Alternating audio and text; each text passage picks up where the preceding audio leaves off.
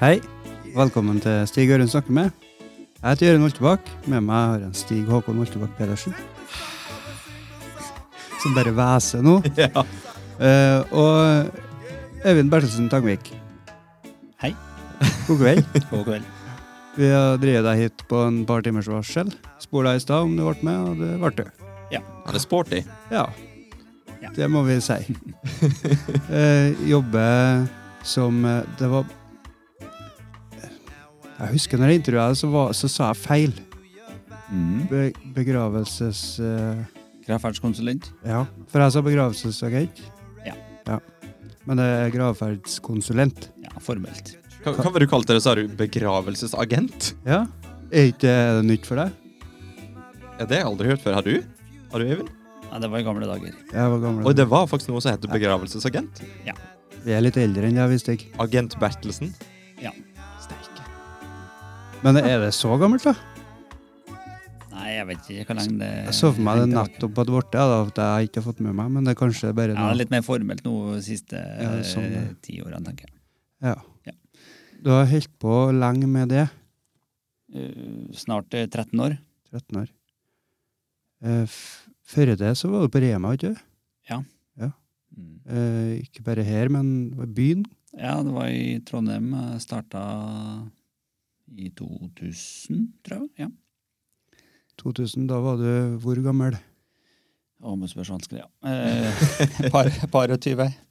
Bare 20? Nå begynner folk å regne. Eh, du er, er du 78-modell? Ja. Da var du bare 20, da. Ja. Men på, på Rema? Mm. Hva har du gjort på Rema? Mm, nei, alt mulig. Jeg var ja, avdelingsleder, på en måte. Altså nestkommanderende Oi, i, ja. Ja, på her eller i Trondheim? i Trondheim, og så flytta jeg tilbake hit da, sånn på lang sikt eh, på kanskje å, å ta over Reman, men min far begynte å spørre oftere og oftere da, om å, å begynne i byrå. Ja. Ja. Det kom du ikke unna. Ja, Jeg har kanskje gjort det, men eh, det, Det det frista. ja, interessant. Mm. Jeg vokste opp med det, så det var ikke noe, det ukjent terreng. Men hvor du var, var i Hvor det var i Trondheim, sa du? Uh, Det var både på torget og der jeg starta, da. Ja. Norges eh, kanskje travleste Rema. Ok. Solgte mest små brus, da, halvliter som det het på den tida. da. Høyeste antallet. Så det gikk unna mye, mye brus. Ja, men- Men det var ikke jobben på Rema som gjorde at du for til Trondheim? Det er Nei. kanskje studier, eller?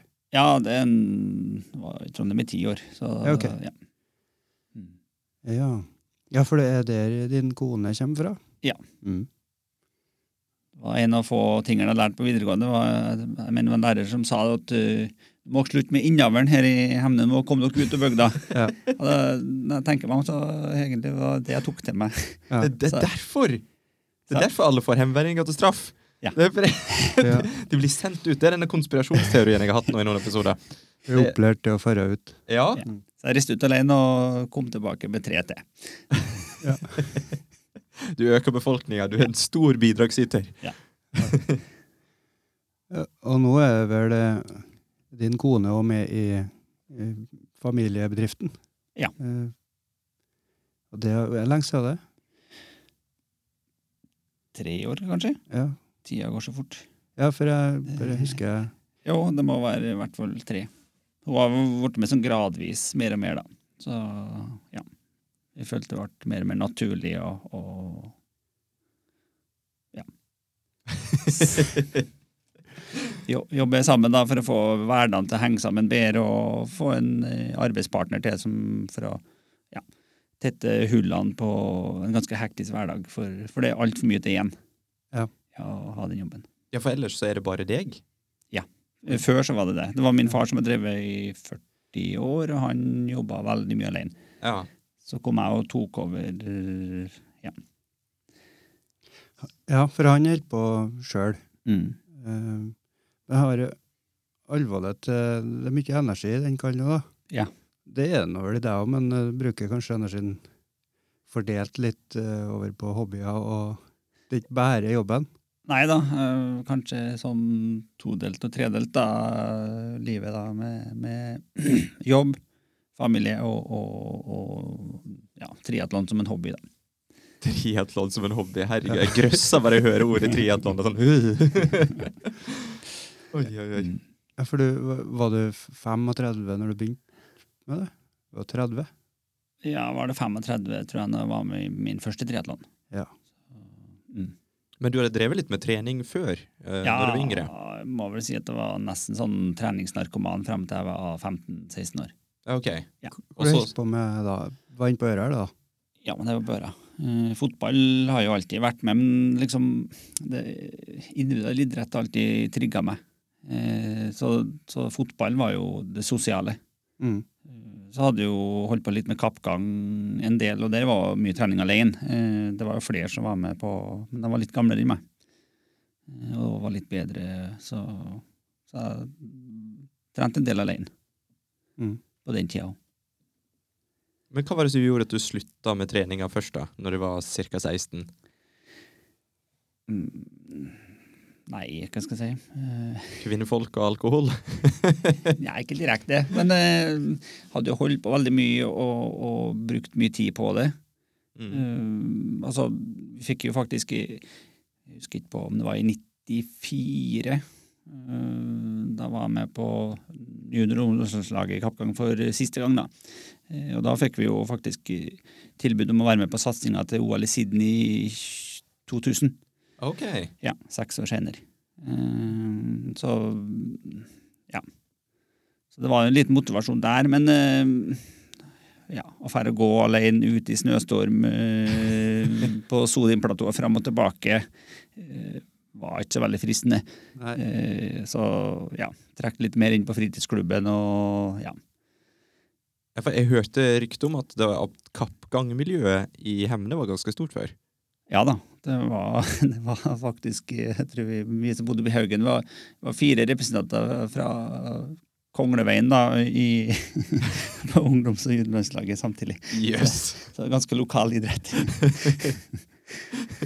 Men hva, hva, hva du tror var grunnen til at det forsvant litt? da? For nå er ikke det noe særlig kappgangmiljø her, så vidt jeg har forstått.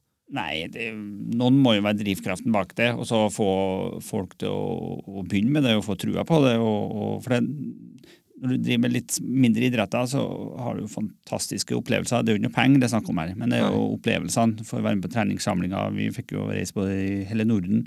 Uh, har jeg blitt med prosjektet mot Sydney, så var det snakk om treningssamlinger i Spania, Mexico og litt sånne ting. Så ja. Det er jo de som driver med sånne små idretter, det er jo med hjertet, Ja, og ikke for pengene. Det er nesten det som er best. Ja, jeg syns det er veldig inspirerende å se på dem som uh, Ja. Som gjør det med hjertet. Ja. Ja. Men når du da bestemte deg for å trene igjen i en alder av 35 Mm. for, Men du trente sikkert litt før det? Eh, kroppen lå ganske brakk ifra Ifra eh, Ja, jeg hadde en eh, opptur i militæret, ja. Det var veldig fysisk. Ja, ok. Eh, Og det var et oppspring. Eh, Så da fikk jeg litt mer kjøtt på beinet, faktisk. Jeg var jo som en skihopperkropp når jeg kom inn, og, og la på meg kanskje 10-12 kilo uh, i løpet av seks måneder. Ja. Eh, jeg var tjukk når jeg kom ut, for å si sånn. Det var, bare fått litt mer kjøtt på beina, litt mer muskler. ja, det er det inntrykket jeg har av militæret. Jeg har jo aldri vært i militæret, for jeg slapp av en eller annen grunn. Ja. De, så, de, så, de tok et sånt blikk på meg, og så tenkte de bare nei. eller, eller, eller. Si til han at det er fullt. For det var det de sa. De sa at nå er det fullt, du trenger ikke hvis du ikke vil. Og så sa jeg ja, ok, snu deg. Men eh, ja, Mm. De fleste som har vært i militæret, de kommer jo ut som en, et bedre menneske, så jeg eh, burde kanskje vært der. Eh, Ja, det var fantastisk halvår eh, Ja. på, på mange måter. Bare det å bo sammen med, med flere og, og lære seg strukturert hver dag og alt det der. Eh, Du lærer mye om andre folk, men òg veldig mye om deg sjøl. mm, Så det var ikke foruten det seks måneder. nei. Men når du da var 35 år, Mm. så tenkte du vet du hva, Eivind, nå skal du ta deg litt i nakkeskinnet, og så skal vi begynne å trene litt. Få Ja, liv i skrotten. nesten sånn, da. Eh, Det var vel nyttårsaften. eh, Jeg og fruen satt og funderte litt og, og ja, så oss sjøl i speilet, nesten bokstavelig talt, da, og fant ut at eh, vi kan begynne å røve oss litt. Ja. Ja. Og da var det rett på triatlon. Nei, det var ikke rett på triatlon. Det var faktisk, triatlon var faktisk en eh, tilfeldighet her. Oh, ja. Ja. Um, jeg hadde jo den der um, Ja. Fra, fra barndommen, da, som begynte å spinne i den treningsnarkomanbiten, da. Mm. lå jo latent baki der. Så, så, så jeg gikk vel ned åtte kilo på åtte uker. Oi. eh, Og ble ganske ivrig. Mm. Eh, en del løping, og det tok ikke før Jeg har ikke passert eh, påske før beinhinnebetennelsen slo til. Og da skjønte ikke jeg hva er det her. Jeg har aldri hatt det før. Så eh, ja, det gikk eh, litt for fort i svingene. Ja, ok, det var fordi du trente for hardt for fort? Ja. Og for lite i TV-årene som har gått. Ja, ok. det var sånn sjokk for kroppen, rett og slett. Ja Mm. Så, så sånn sett så var det en kamerat som, eh, som lurte meg med på, på en sykkeltur, da, for jeg fikk jo ikke springe noe mye. Nei. Uh, og ja, det var òg artig. så jeg fikk eh, lånt meg en sykkel og, og, og fikk til meg klikkpedaler. Det var stas å få klikka inn og ja, bekka nå selvfølgelig på første turen, men uh, etter det så har det ikke vært så mye bekk. Ja, for klikkpedaler sitter du helt fast i, i trøene, da. Ja. Heter det trøene? Mm, pedalene? Ja, ok, pedalen. Ja, Ja. Mm. Ja, det hadde jeg aldri tørt. Nei, det var veldig skremmende de første turene. Altså, sånn, Nå, nå skal jeg stå opp, hvor skal jeg klikke ut her? og sånn, Men nå, er- ja, nå, Nå gjør du det i søvne. er nesten det, ja. Jeg sto på snowboard en gang sjøl, faktisk. Eh, litt av skrytehistorie her. Eh, vi var på sånn klassetur opp i en eller annen skibakke, og så fikk vi beskjed om at dere som ikke har med dere ski eller snowboard, dere kan få låne. Så tenkte jeg ja, ski er jo teit, så snowboard er jo skikkelig kult. Så da tenkte jeg ja, ja, da skal jeg låne meg snowboard. Og så fikk jeg på meg sånn sko, og så fast i snowboardet, men så fant jeg ut at det går jo sånn å bevege seg. det, så jeg ble liksom geleida bort til den der eh, skiheisen, da. Og så satte jeg meg oppå, men sånn underveis så sklei eh, snowboardet litt sånn på, på skrå. Sånn at det tok litt snø, eh, tok fast i noe snø, og så ble jeg liksom revet av. så hang jeg etter den der etter skiheisen hele veien opp. Det var, det var ikke hele veien opp, jeg slapp meg etter hvert, og så sklei jeg liksom sånn sakte ned igjen. Ja, det var sånn Hva, hva skal jeg kalle det? Board of shame. Når jeg bare for ned, det var sånn halvveis på skakka. Det var veldig flaut. Så da tok jeg det av, og så gikk jeg rett inn, og så drakk jeg litt eh, sjokomelk og koste meg. Så jeg har faktisk ikke stått på snowboard siden. Eller ski, for den saks skyld. Eller jo, jeg har stått på ski. Langrenn. Nei, ikke langrenn. Det er det det heter? Hva da? Eh, når, du, når du bare går i ski. Sånn eh, ski... Langrenn, ja. Turski. Ja, ok. Ja. Ja. Så jeg kan, jeg kan mye om det, hører du. Men svømminga Jeg må bare spørre deg, for svømminga det er noe av det, det som jeg hvis, hvis det hadde vært snakk om triatlon for min del, Mm. så er svømminga det jeg hadde grua meg mest til. Mm. For det er liksom sånn, det, det ser jeg på som et stort ork. Mm. Men du er jo sånn oppe grytidlig og svømmer oppi Hvor var Vindalsvatnet, var det der? Ja, Rovatnet og. Skjælevatnet i tillegg. Hva er det som gjør at du orker det? Mm, Nei, det var motivasjon til å, å komme et steg videre. Og så henger du ikke med på svømming, så er det nesten ikke vits å være med heller. Nei. Eh, ja. Er det der folk flest bare detter litt av når de er ja, det er jo derfor Norge kanskje ikke er så naturlig stort i, i triatlonverdenen. Eh, Det er jo svømminga. Eh, De fleste er jo vokst opp med én gang i uka på 12,5 meters basseng. Ja. Så det er ikke noe sånn Yes, dette skal jeg begynne med. Eh, Så det er ganske dårlig til rette, pluss klimatisk, da. ja. Eh, Jeg kjenner jo litt folk, eh, blitt kjent med folk rundt omkring i verden. og det, jeg ser jo på treningene deres der de kan hoppe ut i, i sjøen året rundt hver morgen uten å tenke på å fryse i hjel. Ja, det, det er litt annerledes, men her er det jo sånn at du hopper i sjøen sjøl om du kan fryse i hjel. Ja tar korte nok turer, så går det bra. Ja. ja. Når, ja. når er svømmesesongen din, da? Når starter og slutter den? Nei, jeg ble litt mer pinglete, faktisk. Eh, Jeg prøver, å- og det er ja, som er mest unik. Eh, For det, der er det en god mai, så, så kan det være gode svømmeforhold i slutten av mai, begynnelsen av juni, med svømmedrakt. Eh, Og der holder det seg i, fint utover til september. Men så synker det veldig fort opp her igjen. Det var veldig varmt i april og i det var ikke det? Tuller jeg nå? Det var en sånn Ja da, jo da, men Det er ikke sikkert sjøen har varma seg. I, i, isen går jo ikke før i april, nesten på Skjellevatnet, så ja. Du prøvde deg ikke uti da? Nei, det, nei da. Men Så det var rett og slett bare skade som gjorde at du havna på triatlon? Eh, Ja, egentlig. Um, Vi var inne på i stad at jeg begynte med sykkel, ja. eh, Så vidt. Eh, Kjøpte meg en klikkpedaler, sko, da, og fikk lånt meg en sykkel. Eh, Det var i kanskje det var 2011. Um, Så ble jeg litt gira på det der. Så var vi på ferie i Italia, så kjøpte jeg meg en sånn eh, Chianti Classico mm, sykkeldrakt. Chianti jo vin, men eh, Ja, det var, jeg satt og var- tenkte det samme samme. Bare hæ, vent nå litt. Ja da, så jeg blanda litt interessene der, da. Det var ikke, så var ikke helt Tour de France-takter der.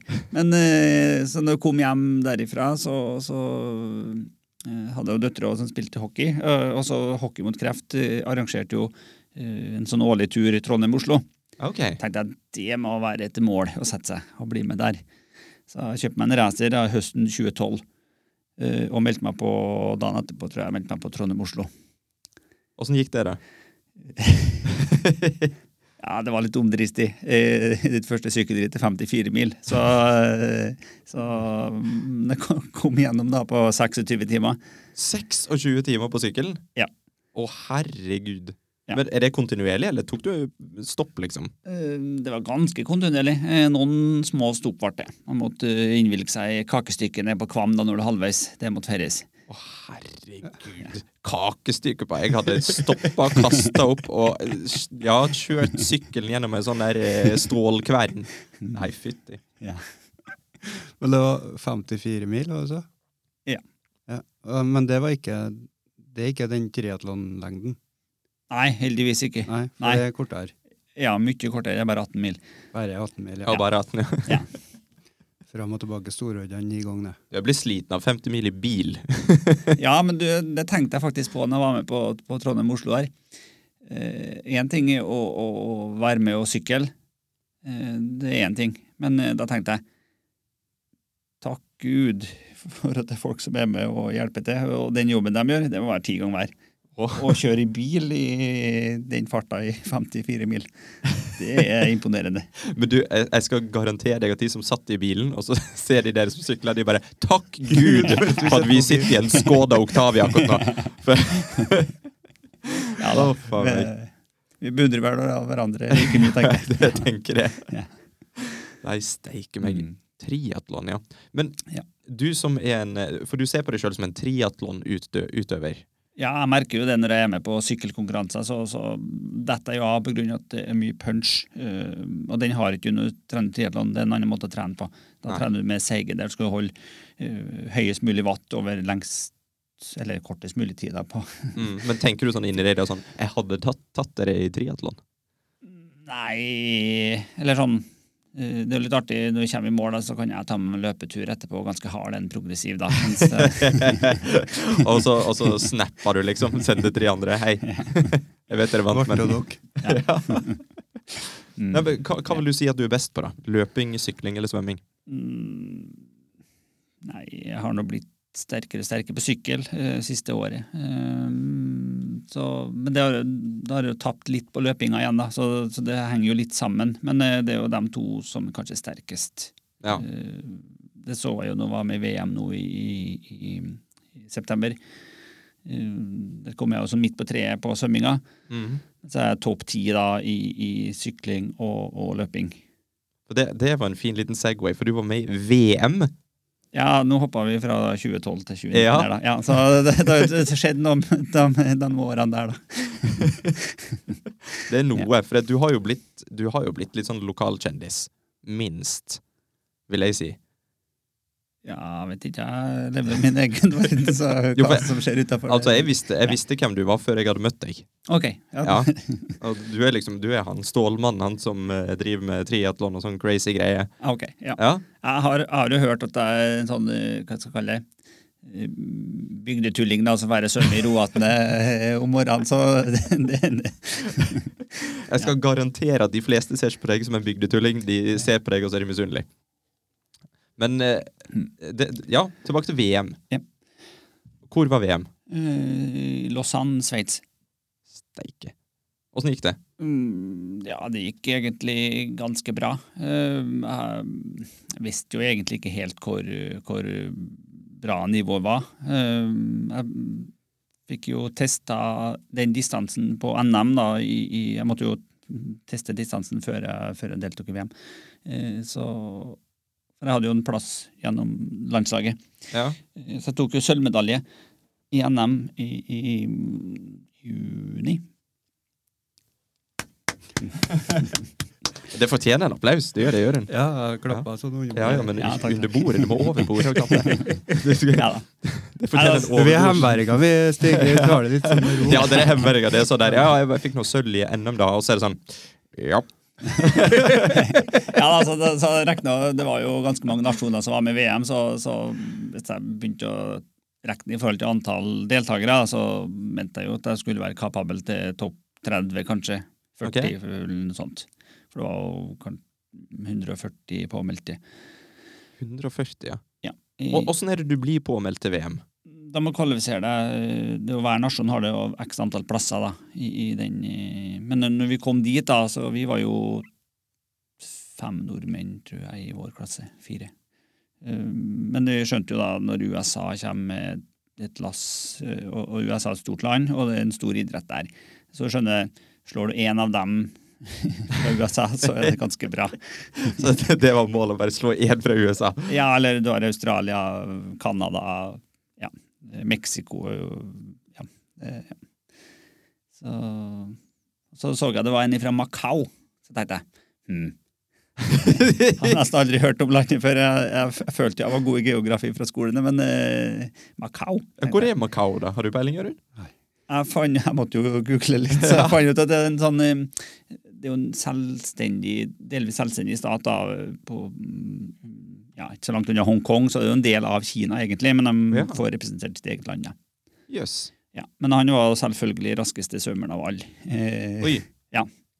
Det, det hadde skjedd, jeg hadde sett for meg at det skulle være en sånn fyr fra Australia eller noe sånt. En sånn Home and Away-skuespilleraktig type.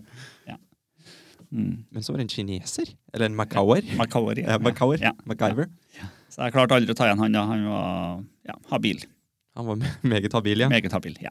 Men eh, gren var det du gjorde? Eller kan jeg si gren? ja, det er jo tre grener. Ja, ok, bra. Ja. Eh, da er jeg proff. Mm. Eh, hva for en gren var det du gjorde best i VM, da? Jeg var egentlig mest Den dagen der var jeg egentlig fornøyd med alle tre. Jeg var tre optimale. Eh, Jeg fikk pressa ut det jeg kunne på svøm, eh, faktisk. Ja. Så jeg kom opp ja, sånn midt på tre blant 55. 55.-plass. Så da var jakten bare starta. Så okay. Da var jo du førstemann i mål. Men, men begynte det med svømming, da, eller? Begynner med svømming. Alltid. Alltid begynner med svømming? Ja. Jesus. Og så er det sykling, Sykling, ja. og så løpe til mål. Mm. For jeg, jeg mener jeg så noe sånn bilder bilde eller noe sånt, eller var det video på Facebook av målgangen. Kan det stemme? Det kan være, Ja. kanskje. Jeg syns å huske det. Jeg syns det. Ja. Og da, du så overraskende normal ut. Ja, så klart en sprintdistanse varer jo knapt en time. Eh, Så det er jo ikke sånn Norseman var noe helt annet. Eh, Ja, for det er jo en annen syk ting du har vært med på. Ja da. Så, men eh, det VM-greiene det er jo full punch. Det er jo max all, all out da på svøm. Ja, ok. Eh, Så det er å hoppe på sykkelen og bare jakte dem som er foran deg. Ja, for da, da svømmer du hvor langt? Eh, På den var bare 750 meter. Ja. Bare. Ja, Jeg hadde drukna på 300. Men eh, 750 750 meter svømming. Ja, Mm. og så er det Så 18 Og da, da det var 18 mil med Nei, nei, nei, nei det er sykling? Nei, så etterpå er det, det er kun to mil sykkel, da. Men, da, okay. da er det, men den, bak, den i løypa i Sveits er jo som laga for oss nordmenn. Det er to punchingbakker som det er bare i all out. Det bare kjører på? på. Og jeg tror faktisk det var ingen som tok meg igjen på land i konkurransen. Oi. Ja, så jeg jakta det som gikk gjennom eh, sykkel og løp. Punching-bakke må du mest ha forklart meg. Kanskje du har Eh, ja, det ligna litt på brekka okay. Opp til kirka. bratt? Ja, da, ja, det blir nesten som du, for å visualisere i forhold til dem som hører på nå. Du, du svømmer ned på båthavna, Mm. eh, og så svømmer så fort du kan der i ja, 12-13 minutter. Så hiver du på sykkelen, og så sykkel rett opp, rett inn i brekka og rett opp der. Og så en liten sløyfe til, og så opp en gang til etterpå der igjen. Okay. Ja. Det var to mil fin løype. Veldig fin. Og så tar du bare salto av sykkelen og fortsetter til fots. Skifter du sko da, eller? Ja, du må vel det? Ja. Ja. Det Er er klikkpedaler på den sykkelen, så det er greit å klikke ut. Ja, du, på triatlon gjør ikke vi det. Da, da, da er vi såpass uh, Da stripser vi fast skoen med, ja, med, med, med strikk Okay. for å spare tid. Så vi hopper på sykkelen i fart, og så setter fotene nedi og strammer igjen og trør. ok. Ja. Men hva, Når- gjør, hva gjør du når du går av sykkelen, da? Da hopper du ut av Eller da løsner du siste 100 meter, så løsner du Ja, skal ikke si skolissene, sånn borrelås da for oss uh, triatleter. Ja. Så vi bare hopper ut av dem, og så står du oppå skoen. Når du kommer til en sånn uh, point der du må, som heter T2, da, Mm. skiftesone, transition zone, uh, da må du hoppe av sykkelen før du kommer dit. Og da bare hoppe av i fart, og så må du holde i sykkelen. Så det, det er litt sånn det, er liksom Det er for komplisert for meg. For det så, jeg hadde fått Jeg hadde fryst jeg når jeg skulle skifte sko eller noe. Det hadde vært sånn ah, Nei, det Gud, går, så, det går så automatisk at du rekker ikke tenke litt. Og så var det knytta liss igjen, liksom? Nei, det har ikke vi tid til. Jeg vurderte jo, for jeg skulle jo være med konkurranse dagen etterpå, når jeg først var der. Så, så da tenkte jeg ok, jeg, jeg må springe med sokker, så jeg slipper å dra med meg vannblemmer. Ja. Eh, Men jeg tenkte nei, jeg skal gjøre det så bra som jeg kan på denne, så jeg må spare sekunder. Ha på seg sokker koster jeg kanskje 15-20 sekunder. Og, og når jeg så på resultatlista etterpå, så har det kosta tre-fire plasser. Oi. Ja, det er tight. Bare for å skifte sokker. Ja. Men går det an å si sånn der Jeg vet at du var foran meg, men jeg skifta til sokker. Mm, Kan du, er det noen som noensinne har gjort det? Jeg tror ikke Internasjonale Triathlonforbundet justerer lista for det. Nei. For sånn sokkehandikap? I Formel 1 så har de jo sånn team som vum, vum, tar til å bytte dekk. det har ikke dere Nei, ikke, ikke på sånne distanser. Norseman så det har de et team. Men Vi har hatt på deg lestene, tenker jeg. ja, nei Fått det til litt fortere. ja. Du kan bare legge deg ned og bare ut med føttene, og så kommer det folk og bare zzz, zzz, på med sokker. ja, Nei, det går ganske fort. Men da, da, da skifta du Du skifta sokker, du skifta sko. Nei, ikke sokker den dagen. Da var Nei, nei, bare nei, å du hopp- Ja, ok. hoppe ut av, spring med sykkelen, du må ta av hjelmen. Du skal, da må du visualisere på tur bortover, så du, du sparer tid. Ja. Eh, du skal bare springe så fort du klarer med sykkel gjennom. Hekt fast sykkelen. Hjelmen av, brillene av. Eh, på med sko. Eh, gjerne ta med en gel og startnummer på. Ok, Så du må, du må skifte startnummer òg? Eller det er frivillig, da. Du har ikke lov til å svømme med startnummer. Oh, nei. Så det, det er frivillig om du skal ha den på deg til syklinga, eller men da blafrer den litt så du taper litt tid. Da. Oi, oi, oi, oi, Det er oi. nerding. Nei. Det er pro tip. Ja. Så, sånn som det er at meg, Hvis jeg har det travelt en morgen, ja. så kan jeg banne på at jeg glemmer et eller annet. Enten har skjell i håret eller ja. fikk hund mat nå før jeg for. Ja. Liksom. Eh, blir ikke sånn. Nei, du, du er såpass konsentrert og fokusert når du kommer inn i T2, da, når du skal på løpinga. Uh, ja, du, du har arbeidsoppgaver å gjøre, Mm. så, så for å gjøre det fortest mulig. Så veldig god følelse når du kommer ut bak noen, eller kommer inn i sonen bak noen, og så bare tjup, hiver fra sykkelen, av med hjelmen, eh, på med skoen, uh, putt en gel og bare spreng på, og så kikker jeg bak og så mm, jeg, jeg tok dem. Så ja, det er viktig sekundær òg. Ja. Er det litt sånn som når Batman tar på seg kostymer? Sånn tjong, tjong, tjong, tjong, på meg. Ja, nesten. Det føles Ja. sånn, Ja, jeg har ikke tenkt på det, men det, det er noe sånt. Ja. Oh.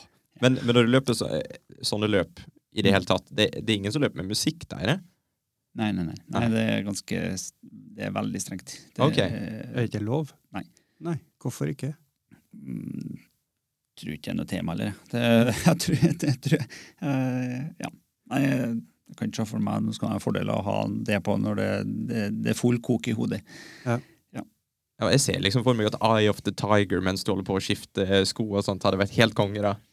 Det hadde, ja, men det hadde det. Og så er det jo til og med løpinga bare yeah! Jeg hadde blitt jeg tror ikke jeg, øh, Om du hadde hatt høy musikk på, tror ikke jeg lagt merke til den heller. Det er så fokusert. Men ja, åssen åssen plass var det du kom på, da? Mm, totalt så Ja, på syklinga så gikk det veldig bra. Eh, Da tok jeg igjen eh, norgesmesteren på siste runden på sykkel. Oi! Så vi fikk pusha sammen. Da. Det, I sprint så er det lov til å pushe i lag, så du føler jo litt eh, Selv om det er en konkurranse, det er jo individuell idrett, men når du møter en nordmann, så, så, så blir det litt sånn at du tommelen opp og pusher og ja. Mm. Så det var litt kult. Var det mange nordmenn med, da? Mm, Jeg husker ikke hvor mange vi var. Var vi fire, kanskje? Fire-fem. Totalt så er det eh, Hvor mange som er med? Eh, Det var 140, tror jeg, som var påmeldt i vår klasse. Steik. Mm. Så, så vi fikk pusha bra der, og kom inn i T2 sammen, da. Mm. Eh, og da kom vi ut der, og da tok vi igjen fort to amerikanere. Og så var det meksikaner, så liksom begynte å balle på og, sprang igjen inn etter igjen, da. Det høres ut som en vits. To amerikanere og en meksikaner. Ja, ja da, Men, ja, da, tok, da tok du to av de som du hadde lyst til å ta igjen av, da. Ja da, dem, og det, det var jo Ja. Det var litt artig. Så Altså, da- du, det er en god følelse når det er ingen som tar igjen deg, ja. men du tar igjen én etter én. Så det, det er gøy. Få litt betalt for det han har lagt ned, da. Mm. De må sikkert beherske seg litt på sprenginga òg. Det er ikke bare å gi jernet med en gang. Nei da, altså, varmen var jo et poeng der, da. Uh, skal ikke klage på at det er varmt, men uh, det var faktisk 28 grader. Okay. Um, så mm, jeg fikk jo klemt i en gel, men uh, du kjenner jo at du begynner å bli litt sånn småkvalm, og kroppen er ikke helt klar for å pushe limiten. Eh, så du må, som du sier, du må holde igjen. Eh, du må være taktisk, da. På hvor lang tid hadde du vært uten um, svømming og sykling og begynt på sprenginga? Nei, det er såpass kort distanse, så jeg har ikke vært ute mer enn eh, skal vi se, mm, svømminga tror jeg var 14 minutter. Mm, Og så ja, en halvtime på sykkel, kanskje. Ja. Ja. Så, men, eh, men konkurransen der er jo sånn at du pusher kroppen så det maksimale, da. Du, Det er nesten sånn at du er stiv i føttene på syklinga. Ja. Så, ja. Og da samme på løpinga, det er så kort. Fem kilometer er så kort da, at du må bare gønne på. ja. Mm. Men eh, hva var totalplasseringa di, da? Eh, Totalt så ble det nummer 17. Nummer 17? Du klapper over bordet. Hendene. Det er jo helt Takk, fantastisk, da. Ja da, jeg, hadde jo drømt om en topp ti, da. Eh, Men, men jeg skjønte jo når jeg sto på startstreken og så ja, godt over 100 godt trente, så føler jeg som en liten nerd sjøl der du står. Og så kikker bare rundt og bare sånn wow. Ja, for du, En må jo òg tenke på dette her med at det, her er det snakk om at det er et varmt klima. Noe som vi sjelden får mulighet til å trene i her, i, i hvert fall på Kyrksæterøra. Ja, vi hadde nå to uker i sommer som var Ja, to. Og så er det svømming, da, og det er begrensa svømmemuligheter her. Ja, det var jo en issue, da, for eh, det var såpass varmt i Sveits og i sommer, sånn at det var, det var mm, ikke lov å svømme våtdrakt. Det var for varmt, faktisk. Ok. Mm. Men heldigvis hadde jeg Skjellevatnet. På varmeste var 26 grader der om morgenen når jeg var tidligere i sommer. Og det var 23 i Sveits da, så, så er jo faktisk Mange nordmenn var jo sånn Begynt med negative tanker. Å, jeg må svømme uten våtdrakt for første gang i år i konkurranse i det viktigste. Mm. Eh, men jeg har jeg lukta lunta at det kunne skje, og da tenkte jeg ok, dette må jeg trene på. Du blir jo ofte bedre til det du trener på, så, så jeg måtte bare pushe meg Ja. til å svømme uten våtdrakt. Så jeg var, jeg var ikke skeptisk på at det ble det. Vi får ikke gjort noe med reglene å være. Men VM, da er det vel en del store atleter med, egentlig? Ja, dette her er jo amatør-VM, da. Ja, ja. Så, men, eh, men eh, det er jo faktisk eh, folk som nettopp har lagt opp som proff, eller som har holdt på noen år, da. Mm. -hmm. Så jeg er ganske fersk, egentlig, i så måte. ja, det må jo være dritkult, da. Ja, det var fantastisk. Jeg begynte å gå opp for meg, for jeg reiste nedover ganske tidlig. Mm. Så jeg kom ned den første kvelden på tirsdag og så at de begynte å sette opp målseilet, tribuneanlegget i i båthavna og alt det der. Så det der, wow. Og så kom jeg dagen etterpå, da liksom den ja, Vi vant med rød løper, men der er internasjonalt så er blå løper da, som er det store. Er det blå løper? Oi, Ja. nå lærte jeg noe nytt. I triatlon er det blå løper. Eh, Så, så begynte jeg å se flaggene komme opp, og liksom det begynte å bli og Dagen etter det der igjen var tidlig ned om morgenen, eh, så bare en liten løpetur. Plutselig er det en flokk med meksikanere og australienere, og, og så liksom ja, begynner å snakke litt sammen og ta en rolig morgenstur med Wow, det var inspirerende. Jeg kjente du på det der at nå eh, står jeg her, Øyvind Bertelsen, driver begravelsesbyrå på Kyrksæterøra, hvor? Eh, og nå står jeg her og representerer Norge i VM. Ja, det var litt, eh, det var litt gøy. Det var det. Litt! Ja. jeg, jeg hadde fått så stort ego jeg, at det hadde gått helt over styr. Ja. Ja. Mm. Men du nevnte jo at du var med i Norseman. For det, det er vel sikkert noe av det sykeste du har gjort? ja, det var emosjonelt på et annet plan, egentlig, da. Ja. ja. Så det var det, når jeg begynte å trene og hadde fullført uh, Trondheim-Oslo 2012, Mm. så begynte jeg å se litt på Norseman-videoer, begynte å høre litt folk som har vært med der. og litt sånn. ja. Så da tenkte jeg OK, en dag. en dag. og hvor lenge etterpå var det før du var, var faktisk med? Mm. For det, det er sånn at du må bli, du må bli valgt ut, må ikke? Ja, det, det er loddtrekning. Loddtrekning, ja. ja. Enten så må du være i topp ti av dem som melder seg på, eller så må du ha loddtrekning. Ok. Så det var lucky shot, eller eh, ja, om du er heldig eller uheldig, det vet jeg. ikke. Ja, for Kanskje Men- du forklarer litt sånn hva, hva Norseman hva det går ut på? Hva det er? Norseman eh, sies å være verdens hardeste Ironman-løp. da. Det, det lengste distansen i, i triatlonverden. Um, og så er det veldig sånn spesielt der, da. Det, det er mye høydemeter. Eh, mange er med på sånne konkurranser for å ta kortest mulig tid på flatest mulig løype. Mm. Norseman er veldig spektakulær, fordi det er kun ja, 300 plasser. 200, 200 ja, 300 plasser. Eh, så det er veldig, det er jo 5000-6000 søkere hvert år. Så du er ganske heldig eller uheldig å, å bli trukket ut. Ja, for det er folk fra hele verden egentlig som Ja, har lyst til å være med det er det som gjør det så, så spesielt, da, for det, det er så liten sjanse for å få plass. Ja. Så folk har jo søkt i årevis uten å få plass. Så jeg fikk det på tredje forsøk, faktisk. Ja, ok. Ja, så det var, men jeg er egentlig glad for det i ettertid, så jeg fikk det på første forsøk. For da, for da tror jeg kroppen Da tror jeg kroppen har fått sjokk. Ja.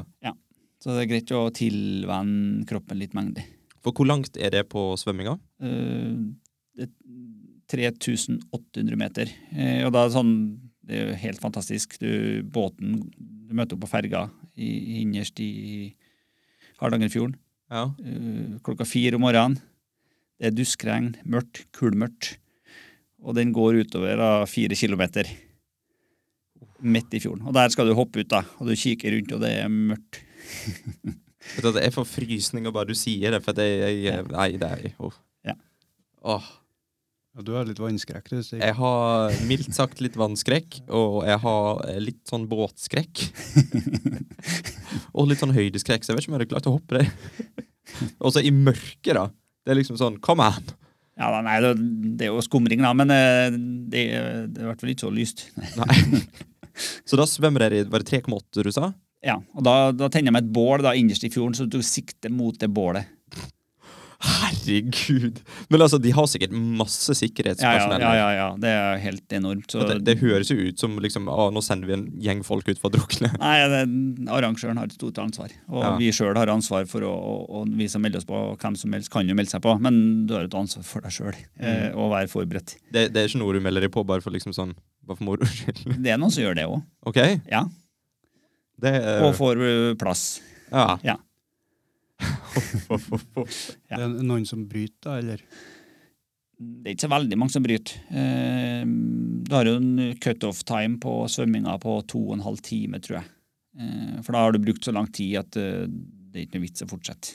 Nei. Redningsmannskapet bare Nå stikker vi.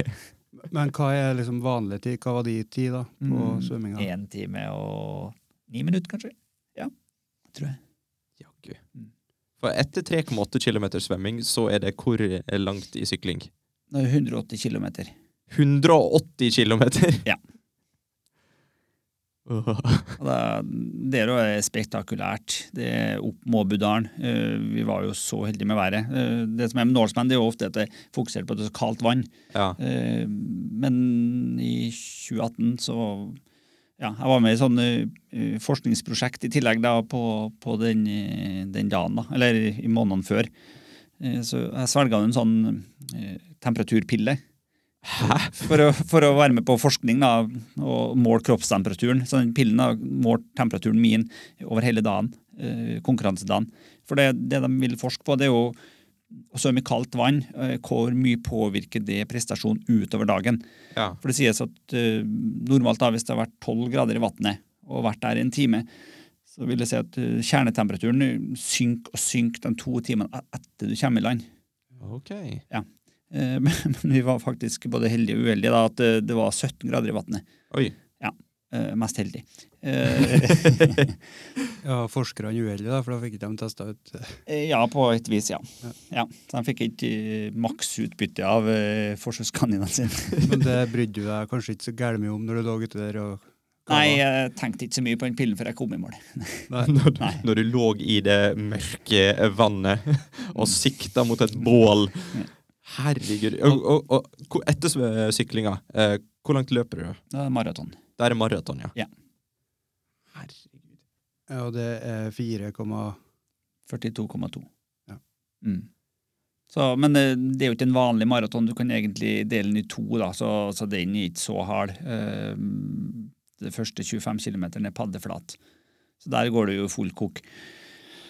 Uh, Ja, men etter du har Etter du har sykla Hvor langt var du sykla nå? 180 km. 180 km med sykling. Et, Ja. Altså, hvis jeg sykler til jobb, jeg, så svir det i låret en Mm. time etterpå. Ja.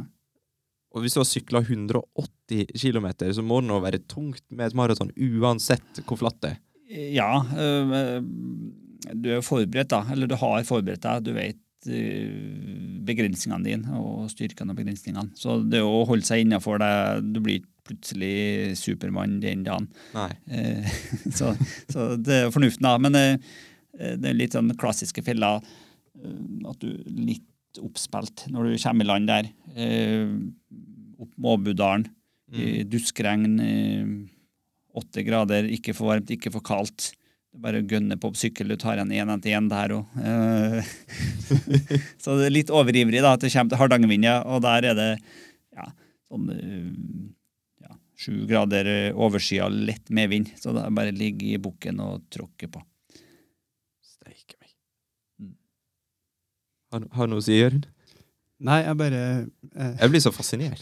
Ja, for jeg tenker på når jeg Det lengste jeg har gått frivillig Det var nå Ja, i det siste da. Det var 2,4 mil.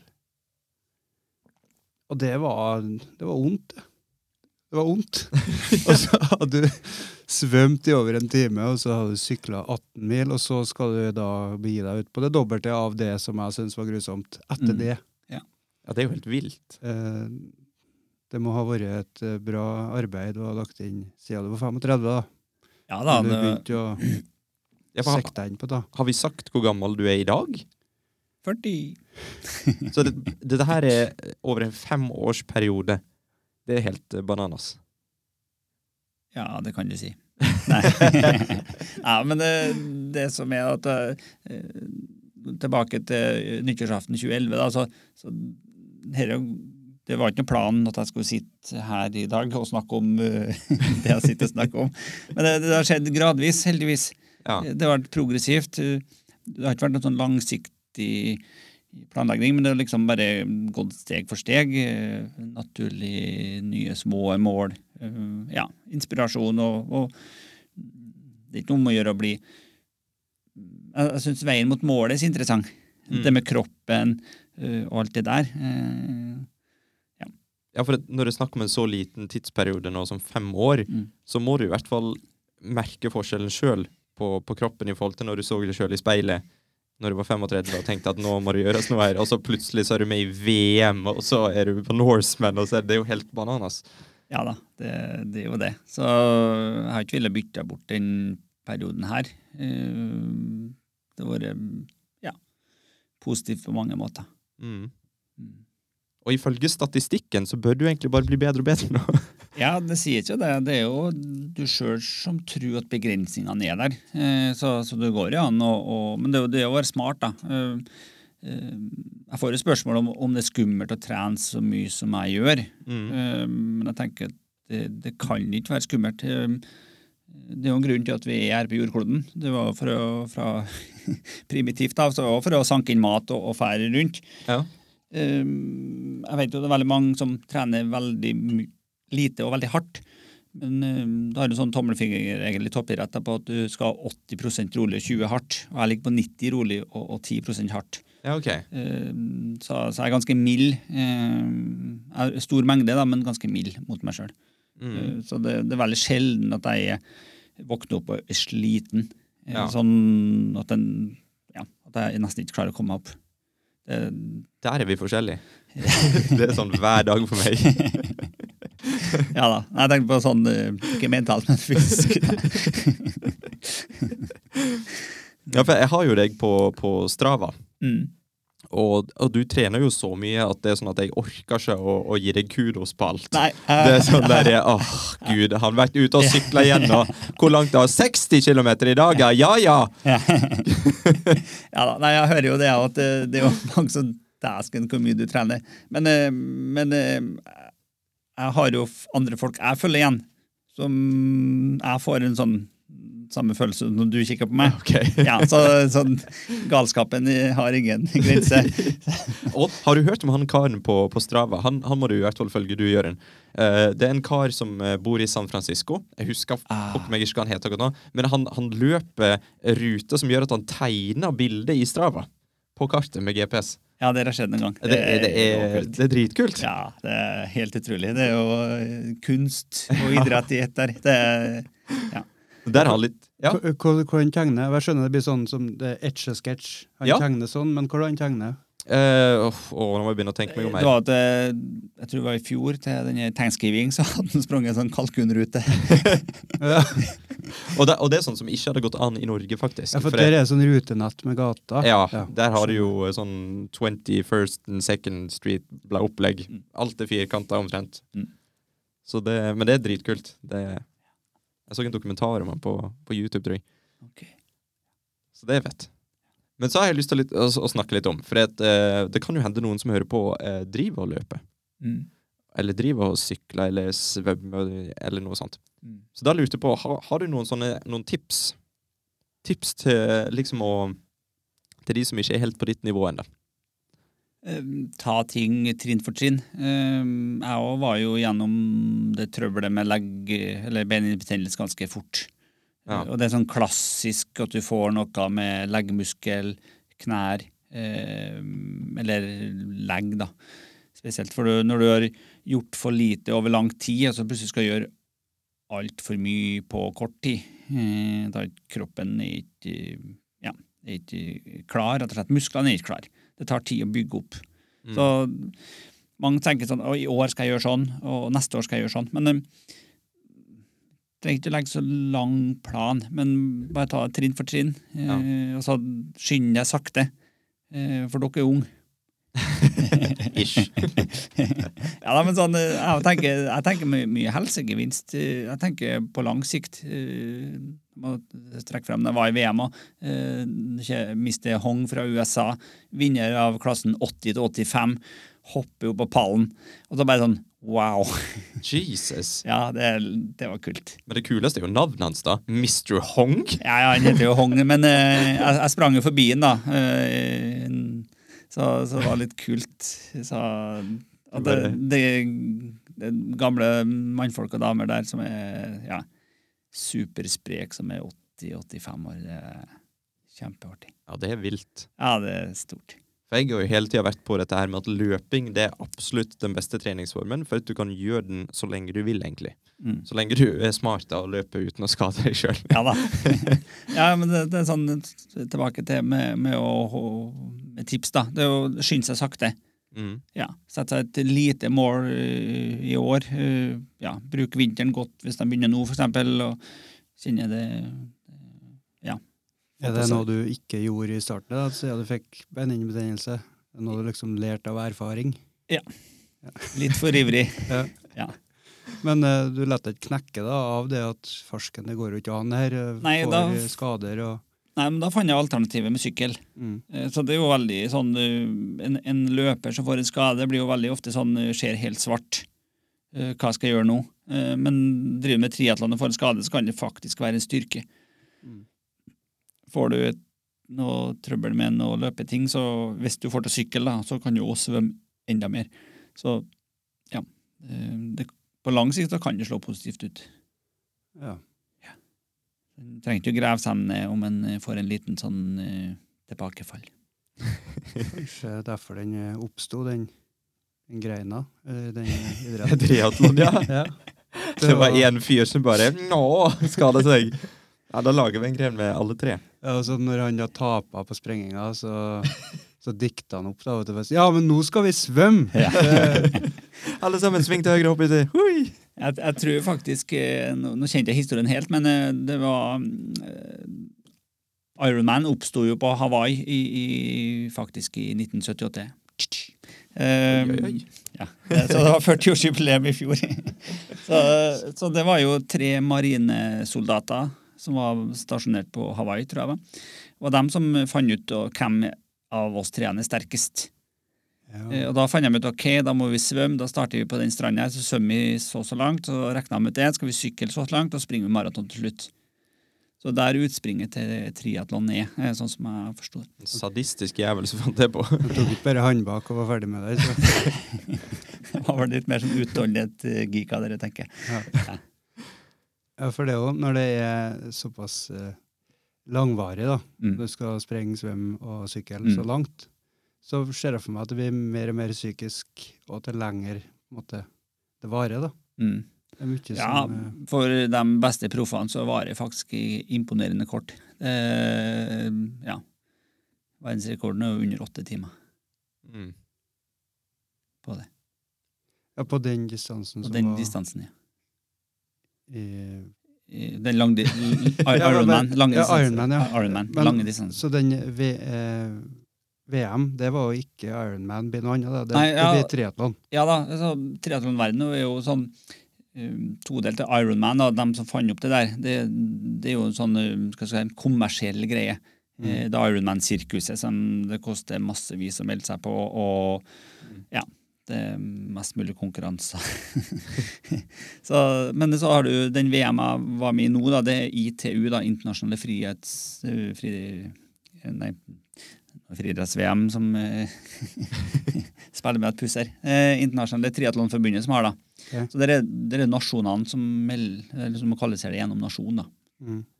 i, i triatlon-VM. da. Så det er, det er landet som har, men eh, sånn som i Ironman så må du kvalifisere deg som din egen person. Så det er mer personlig kvalifisering. Men det har jo seg sånn at både jeg og Jørund har jo eh, i det Aldri siste vært med på triatlon. Nei, eh, men vi har, jo, vi har jo begynt å trene. Ja. Ja, det har skjedd, ja. Og jeg gikk jo rett i den fella så Jeg skulle ønske vi hadde hatt den podkasten litt før. eh, for jeg gikk jo rett i den fella at jeg bare løpte Jeg, jeg tenkte i dag så kjører jeg på med en ti kilometer, og så gikk det til helsike. Eh, så fikk jeg en sånn her uh, Ja, det heter peronial tendonitt. Det er en sånn sene som går fra leggene ned i underfoten. Uh, så jeg er jo litt sånn ute av kommisjon. Og Jørund, du òg har jo vært med på litt av hvert, og du har jo fortsatt nå mens jeg har vært ute av kommisjon. ja.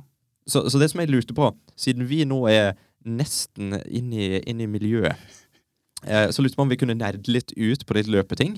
Mm. For det kan være interessant for sånn to andre personer eh, som hører på. Eh, for da, da Jeg tenkte liksom du, du vet om den debatten der det er snakk om sånn naturlig løping eh, på, på sånn Hva heter det for noe? Bare rull? Eller på tå? Ja, ja på, det er vel på tå det er Ja. den naturlige måten som Det kom en sånn bok en gang Mm. på at eh, mennesket var lagd for å løpe barføtt eller noe sånt. Ja, vi er jo født uten sko. Ja, dessverre. Men du er jo, eh, vil jeg si, er en slags pådriver for hooka. Ja, eller sånn eh, Jeg har ikke noe kontrakt, nei, men, eh, men eh, Du burde hatt hooka, hør etter. Nei, jeg var ikke- jeg. Eh, har dialog med dem. Men, eh, men, eh, men eh, det var det første paret som virkelig fikk en sånn wow-følelse.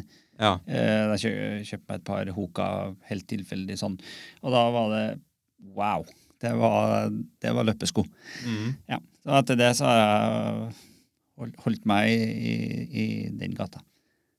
For det, det som er med Hoka-sko, er jo at de er, for de som ikke vet, altså, eh, de er ekstremt dempa. Mm. Det er helt enorm demping. Ja. For På, de, på de fleste modeller. ja, og jeg, jeg prøvde jo å hukka etter at jeg fikk en, en skade i foten, Mm. og så prøvde jeg å gå i en hukkasko, og så kjente jeg ingenting. Så det, det gikk jo greit. Uh, og de, de skoene går jo for øvrig med fortsatt. Du så det i stad. Fantastisk fine. De første hukka Bondi. Ja. Og du, Jørund, du har jo nettopp skaffa deg hukkasko både til terreng, da har du hukka Speedgoat 3, Mm. og så har du hukka Bondi 6, Ja. som du går med til vanlig. Hva har du tenkt når du prøvde hukkasko, egentlig? Nei, jeg likte dem. Den var god. Den var veldig god. Ja. For det, de, de fleste har et inntrykk av hukkasko. I hvert fall når de kom ut, så hadde folk et inntrykk av at dette her er klovnesko, dette er bare en sånn ting som kommer til å gå over med en gang. For det var midt i den der greia der folk skulle løpe barføtt, og det var liksom minst mulig dropp, og det var, det var helt idiotisk. Og så kommer Hukka ut med de mest padda skoene som noensinne har kommet, og så bare nå, De har jo tatt helt av. Ja, det, er overalt nå. Ja, jeg hører dem som selger det, og at det tar helt av, rett og slett. Ja. Så det er en, det er en bølge der. For jeg må dra fram en liten historie. Der fikk jeg approving nod. Uh, Jørund skulle kjøpe seg løpesko på en eh, løp løpebutikk Nei, løpebutikk, sier jeg. Sportsbutikk i uh, Orkdalen, var det det? Jeg var på OT-senteret. Ja. Og da, da skulle jeg hjelpe han med å finne litt sko, da, for jeg er, jeg er kjent for å være en sånn type nerd som kan mer om ting enn hva jeg utøver.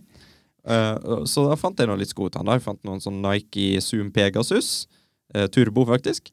Uh, og så fant jeg noen Hoka Bondi-sko til å gå rundt i til vanlig, for de er så deilige. Og noen Speedgoat-sko til terreng. Og, og da fikk vi snakke med en som var ansatt der.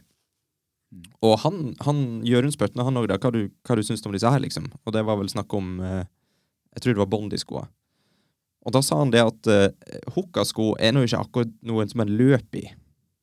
Det er ikke noen løpesko, sa han. Okay.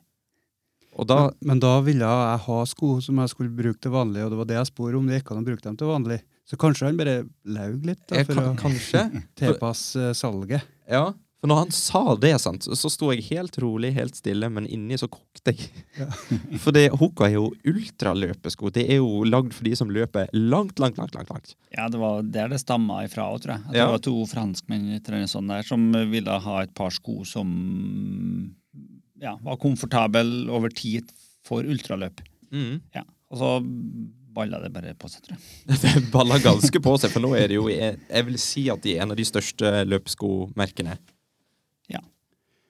Jeg, kan jo komme med en historie, jeg òg, for å svare bedre på det spørsmålet om hva sønnen som er de skoene. For to Ja. år siden så var jeg med på uh, skulle gå rundt noe som heter Åreskutene.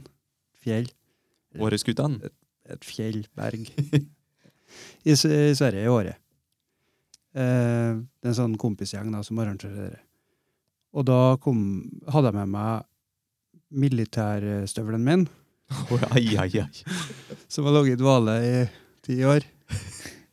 Og vel etter fem kilometer så fikk jeg så gærent gnagsår at uh, jeg måtte stoppe. Men andre har jo fare forbi meg, så jeg fant ut etter liten stund at jeg må nå bare fortsette. Det var dritvondt å gå. Hvert skritt var vondt, og det var 2,4 mil rundt det der. Ja. Jeg kom meg rundt, ja, til slutt så bare bryr du deg ikke om at du har vondt. Så bare, og det gikk jo litt over etter hvert òg. Men jeg brukte nærmere sju timer da, rundt. Og så var jeg med i år med bedre utstyr. Da er det Speedgoat. Ja. Speed Speedgoat.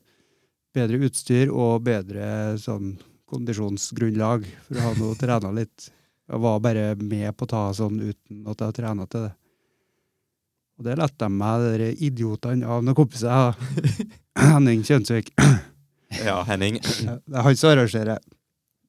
Men eh, ja, nei, det gikk veldig mye bedre nå, da. For nå var det tre, tre timer og 31 minutter brukte jeg nå.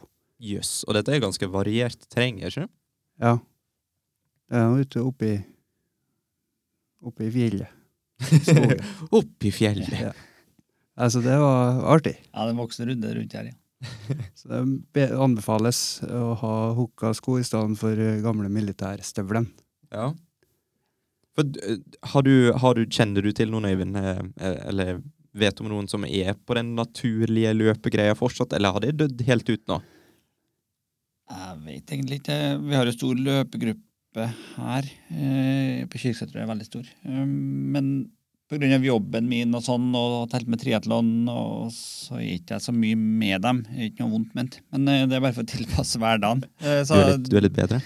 Nei, nei, nei. nei, nei, nei da. Men, eh, men eh, jeg vet ikke hvor mange som koster dem springer, om de springer på tå eller ikke. Det vet jeg ikke. Nei, for det, jeg las eh, i hvert fall en artikkel om at eh, det har aldri vært så mange løpeskader sånn på verdensbasis Mm. enn når den her naturlige løpebølga liksom skylte inn. Mm. Og, og folk begynner, begynte å skulle ha disse her Vibram, eller hva det heter for noe. Disse her eh, Mm. de tåskoa. De Mm. rare greiene. Mm. Folk skader seg i hytt og pine, vet du. For vi er jo ikke vant med å Selv om vi er født barføtt, så er vi vant med å gå i sko med grei demping hele livet. Ja. Hvis du da plutselig skal ta på deg noen sånne sokkesko, og så skal du løpe en maraton, da ligger du tynt an. Det, det er ikke mye naturlig respons der. Nei. Men hva, hva for noen sko er det du bruker akkurat nå, Øyvind Bertelsen? Mm, de jeg liker aller best i konkurranse, det er jo min gode gamle Hoka Tracer. Eh, Dem, jeg tok dem etter VM. -a. Jeg tenkte jeg skulle bruke dem Rocketen, som er den nye fartsskoen. Men det, det, det, det er de med karbonsåle. Ja, karbonsåle. Så Mm. der er vi inne på en ny generasjon sko. Uh, altså hva er, eh, hva er utstyrsdoping? Uh, jeg prøvde Jeg er faktisk tilbake til VM. Mm, så på sprintdistansen så brukte jeg jo det Tracer-skoene mine. uh, Hoka. Eh, for de er så gode. De, jeg bruker dem, de er jo helt utslitt. Men jeg har ikke hjerte til å kaste dem. Så dem måtte jeg bruke på sprinten, for de, dem kan jeg springe uten sokker i. Uten at okay. jeg får noe voldsomt eh, ja, sår. Eh, Men dagen etterpå så var det dobbel distanse, og da har jeg liksom gjort unna den store VM-innsatsen. Så jeg deltok jo på olympisk distanse, normaldistansen, på søndag, da, dagen etter i VM. Og da, da tok, jeg på, tok jeg meg tida til å ha på sokker og de skoene der, da. Og da tenkte jeg da jeg begynte å springe, det bare wow! Du, du får jo spenst. Så ja. Det, Så det, det er de to som er go to-sko. Men når, når du trener da, da varierer jeg litt. Ja, Ja, Det spørs hvilken økt jeg har. Eh, har jeg mølleøkt, eh, eller har jeg rolig økt grusbane i Nåmsøyene? Eller skal jeg på asfalt utover eh, favorittløypa mi mot Holla? Eller kraftstasjon tur-retur, er det som er favoritten min. Mm. Så det, det bytter litt på kanskje Clifton, eh, ja eh, Mack eller eh, Hoka Rincon, da. Ja, du, du har prøvd Rincon, ja. ja. Hva, du, ny, hva du syns du om de? ny møllefavoritt. Det er det, ja? Ja. Ja. Rød. Og rød, ja. rød. Det er vel sånn lakserød, er det ikke? Nei, ikke helt. Rød Barbados heter den. Men eh, nei, den er ja, møllefavoritt. Ja. ja for det, det er jo sånn med utstyr at eh, det er veldig lett å bli oppslukt i det, og, og hele tida bare tenke på utstyret. Trenger det, trenger det, men så trenger en egentlig ikke det beste av det beste. Nei. Men, jeg, men i hvert fall i mitt tilfelle så syns jeg at utstyr det motiverer så enormt mye. Mm. At nå, når jeg har kjøpt meg et par nye joggesko, eller en ny treningsklokke, eller hva det skulle være, bare ei treningsbukse, Mm. så blir jeg mer motivert til å løpe. Åssen er det med deg, Jørund? Jeg har aldri vært sånn før. Men eh, eh, du har vel smitta meg litt, og jeg er jo blitt mer og mer enig i det. da. At du merker kvaliteten, og at det gjør deg mer motivert. Ja. Eh, bare det med sant? Det er forskjell på meg og deg, for jeg, jeg husker ikke hva det heter engang, selv om jeg, jeg liker det veldig godt. Men eh, de eh, øretelefonene, Ja, eh, Powerbeats Pro. Ja. de er jo helt fantastiske. Mhm. Det er bare å sette dem inn i ørene, så fortsetter å spille fra der du var sist. Nettopp. Og det Det er noe mye utstyr som sier at det skal gjøre en ting, men som ikke gjør det. Og så blir det noe prakk, og så må du innpå og holde på med et eller annet, eller sur og styr. Når du får bort alt det, da, da er det verdt eh, litt mer penger. Mm. Ja, for det er de, de små tinga, ja. Ja. Og, og jeg sa jo sånn til deg eh, For du, du spurte meg jo faktisk hva skal jeg fokusere mest på. Styrketreninga eller løpinga? Og så kom jeg med noen eh, ganske overbevisende argumenter for hvorfor du skal løpe. Og, og det, det er jo fordi at i løping så får du logga alt. Du kan logge alt du gjør, alle kan se at du har gjort det, og da har det skjedd. Og som, en, som en mor har sagt til meg, at hvis du ikke har logga det, så har ikke det skjedd. Er- og ei T-skjorte står eh, Hvis jeg besvimer, så trykk stopp på min Garmin. Eller sånn, på engelsk. If you see me collapse, please pause my Garmin. Ja. Er ikke på Strava, så har ikke skjedd. Nei, det, det er akkurat det. Så det er jo en helt enorm motivasjon, for meg i hvert fall. Ja, det jeg merker på styrketrening, så det kan hende at jeg ikke har skjønt helt hvordan jeg gjør det, men eh, det er vanskelig å logge styrketrening på Strava. Ja, Strava er etter mer for løping og sykling, ja. Ja, du kan, du kan jo ordne med å bare legge inn en workout på 40 minutter, og så, men det blir liksom ikke helt uh... Nei, for det blir liksom logga på kartet, og så ser du liksom Å, her Ja, ja. gikk jeg fra, fra, fra benkpressmaskina til ja. Ja, Uff. Mm. Men, men tilbake til det. det- Styrke er jo faktisk en, en viktig del av å holde seg skadefri. Okay. Jo, takk for det. Ja. Bare en liten digresjon der. For du, Ja. du holder på med det i tillegg, eller? Ja, jeg, må, jeg måtte begynne å gjøre det. Uh, spesielt med triatlon. Men løping òg er Du trenger ikke ha så mye vekter. For det det er ikke mer å drasse rundt med for mange kilo. Men, eh, men uh, ja, jeg har kanskje mm, hver mandag og nesten hver onsdag så har jeg styrkeøkt da, med, med minst mulig vekt, egentlig. Men bare for å holde kjernemuskulaturen ja, og svømmemusklene i sjakk. Ja, for det fikk jeg be klar beskjed om av min kjære mor, som jeg nevnte tidligere. For hun er jo vel, hun er løpefanatiker. Mm. Uh, og hun fortalte meg det at du må pokker meg ta og begynne å trene styrke på beina dine nå. Sånn at ikke, ikke dette her skjer igjen. Mm. Og hun er veldig på at jeg skal begynne å løpe igjen og komme meg i form. Ja. Og det kan jeg nå skjønne. da. For, Ja, da, det klassiske, sånn, det som er veldig fint der, det er å komme inn med litt sånn um, tåhev. Hvis du, Ja. hvis du står og venter på en kopp kaffe, mens den, eh, så ta ti tåhev, så er du ferdig med det. Så har du litt hele tida. ja. Sånn eh, Ja, rett og slett. Kan vi kombinere dette her med knipinga som vi lærte av Elisabeth Hellem? Ja. Kan Vi stå Opp på tå, knip. Ned igjen. Opp igjen på tå, knip. Ja. Kan gå. Da strammer vi opp både prostata og leggmuskler. leggmuskler. Mhm. Meget bra. Mm. Da er vi skadefri i alle ledd.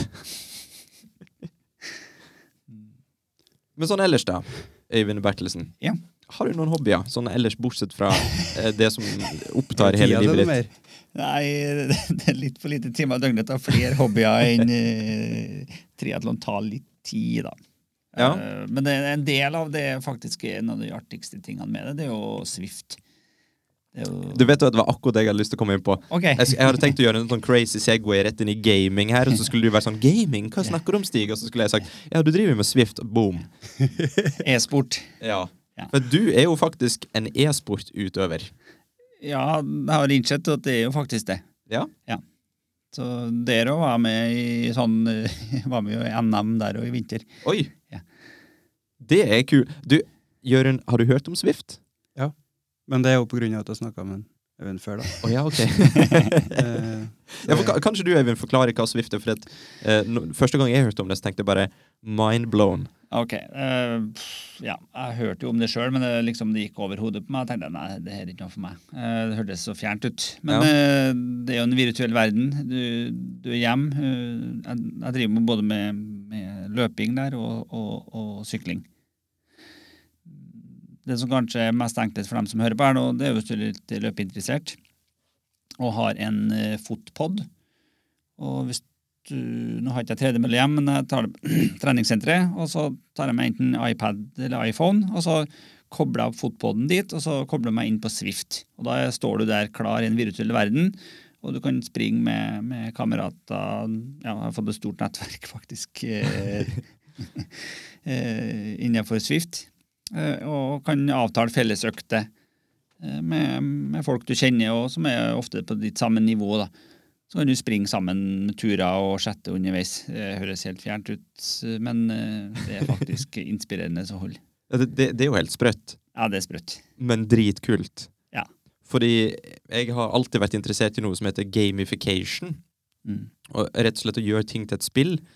Og, og jeg studerte jo spillprogrammering før, og da hadde jeg en idé, for det, det, var, det var tilbake til da jeg, jeg løpte en del. Og da, da hadde jeg en sånn idé om at hva om jeg hadde gjort et spill, laga et spill ut av trening?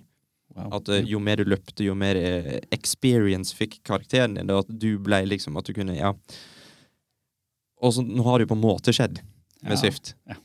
Og det, det syns jeg er så kult. Og, og jeg ser jo folk legge ut videoer og sånt av at nå, nå er vi ute på De, de streamer at nå er vi ute og løper tur. Ja, ja. Og det, det er helt banan Og som du sier, det er VM og, og forskjellige konkurranser i det. Mm. Og det er jo, det er jo helt sprøtt. Ja, det er helt sprøtt. Det, ja, det var sånn ja. Det er vanskelig å sitte og forklare. Jeg, jeg, tør egentlig ikke snakke om det til noen som, er, som ikke har skjedd eller prøvd det. Jeg er redd de skal være nerd. Ja, det, der. Så ja, det er kjempestas. Eh, Forrige helg så var jeg med på noe av det sprøeste jeg har opplevd. Eh, Da sykla vi eh, 30 mil forrige søndagsmorgen. Ja. Og Da satte vi ny, ny Swift-rekord. Vi var 60 stykker som starta, så åtte som kom i mål. da. For du har jo møtt veldig mange folk i Swift. Ja, det er et helt fantastisk eh, community, eller ja, ja, Ja. jeg glemte det på norsk. Sam, samfunn. Samfunn. ja, det- går litt i engelsk. Eh, Så nei, det er så mye bra folk og motiverte folk som motiverer hverandre. Så vi er på forskjellig nivå, men vi har samme interesse Mm. og samme humor. da. Så Som vi er på forskjellige nivå så har ikke det noe å si, for vi kan trene sammen og alt det der. Ja, og det, det er det kuleste, syns jeg, at hvis du har noen venner som bor en annen plass, så kan du fortsatt trene sammen med dem Mm. i virtual reality. Ja. Er det baner fra i den virkelige verden? Så sprenger dere i Paris, eller er det på, på Mars, eller Nei, den ene det faktisk heter Vatopia. Det er en sånn stillehavsøy som de bare tatt ut av kartet. Da, for alt skal logges på Strava. og Så, så den øya der er jo ekte, men den er jo ubebodd. Så de har laga liksom en virtuell verden i den, på en måte. Som setter kartet oppå, da. Ok. Ja. Så, så hvis du kikker på de turene og så googler inn på kartet, så finner du faktisk en sånn stillehavsøy. Folk bare er på ferie, Eivind. Ja. Men i teorien så kan du jo faktisk lage en sånn Ja, i dag er det NM i Mars rundt. Ja det går an. Eh, så Du kan jo oppvarming i Central Park i New York. Det, der, der går det an. Der er laga løypa nå. Og så fem minutter etterpå, så nei, kobla av ferdig oppvarminga, så plutselig er du i London.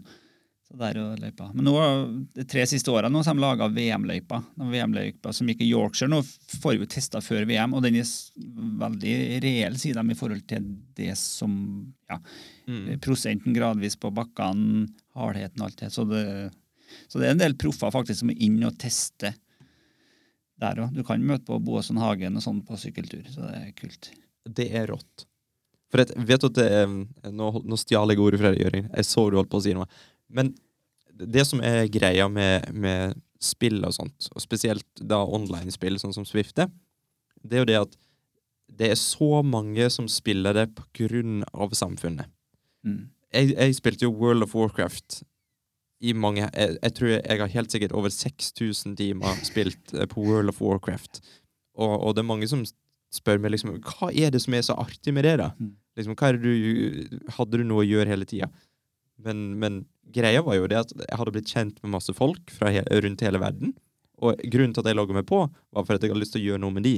Mm. Det var ikke nødvendigvis at jeg hadde noe ellers å gjøre i spillet. Det var bare Mm. for at jeg hadde lyst til å snakke med folk og hilse på de jeg kjenner og sånt. Og bare å kombinere det aspektet med fysisk trening, det syns jeg er helt konge. Mm. Og jeg har så store forhåpninger til Swift framover. Jeg håper det at de får lagt inn ruter fra hele verden.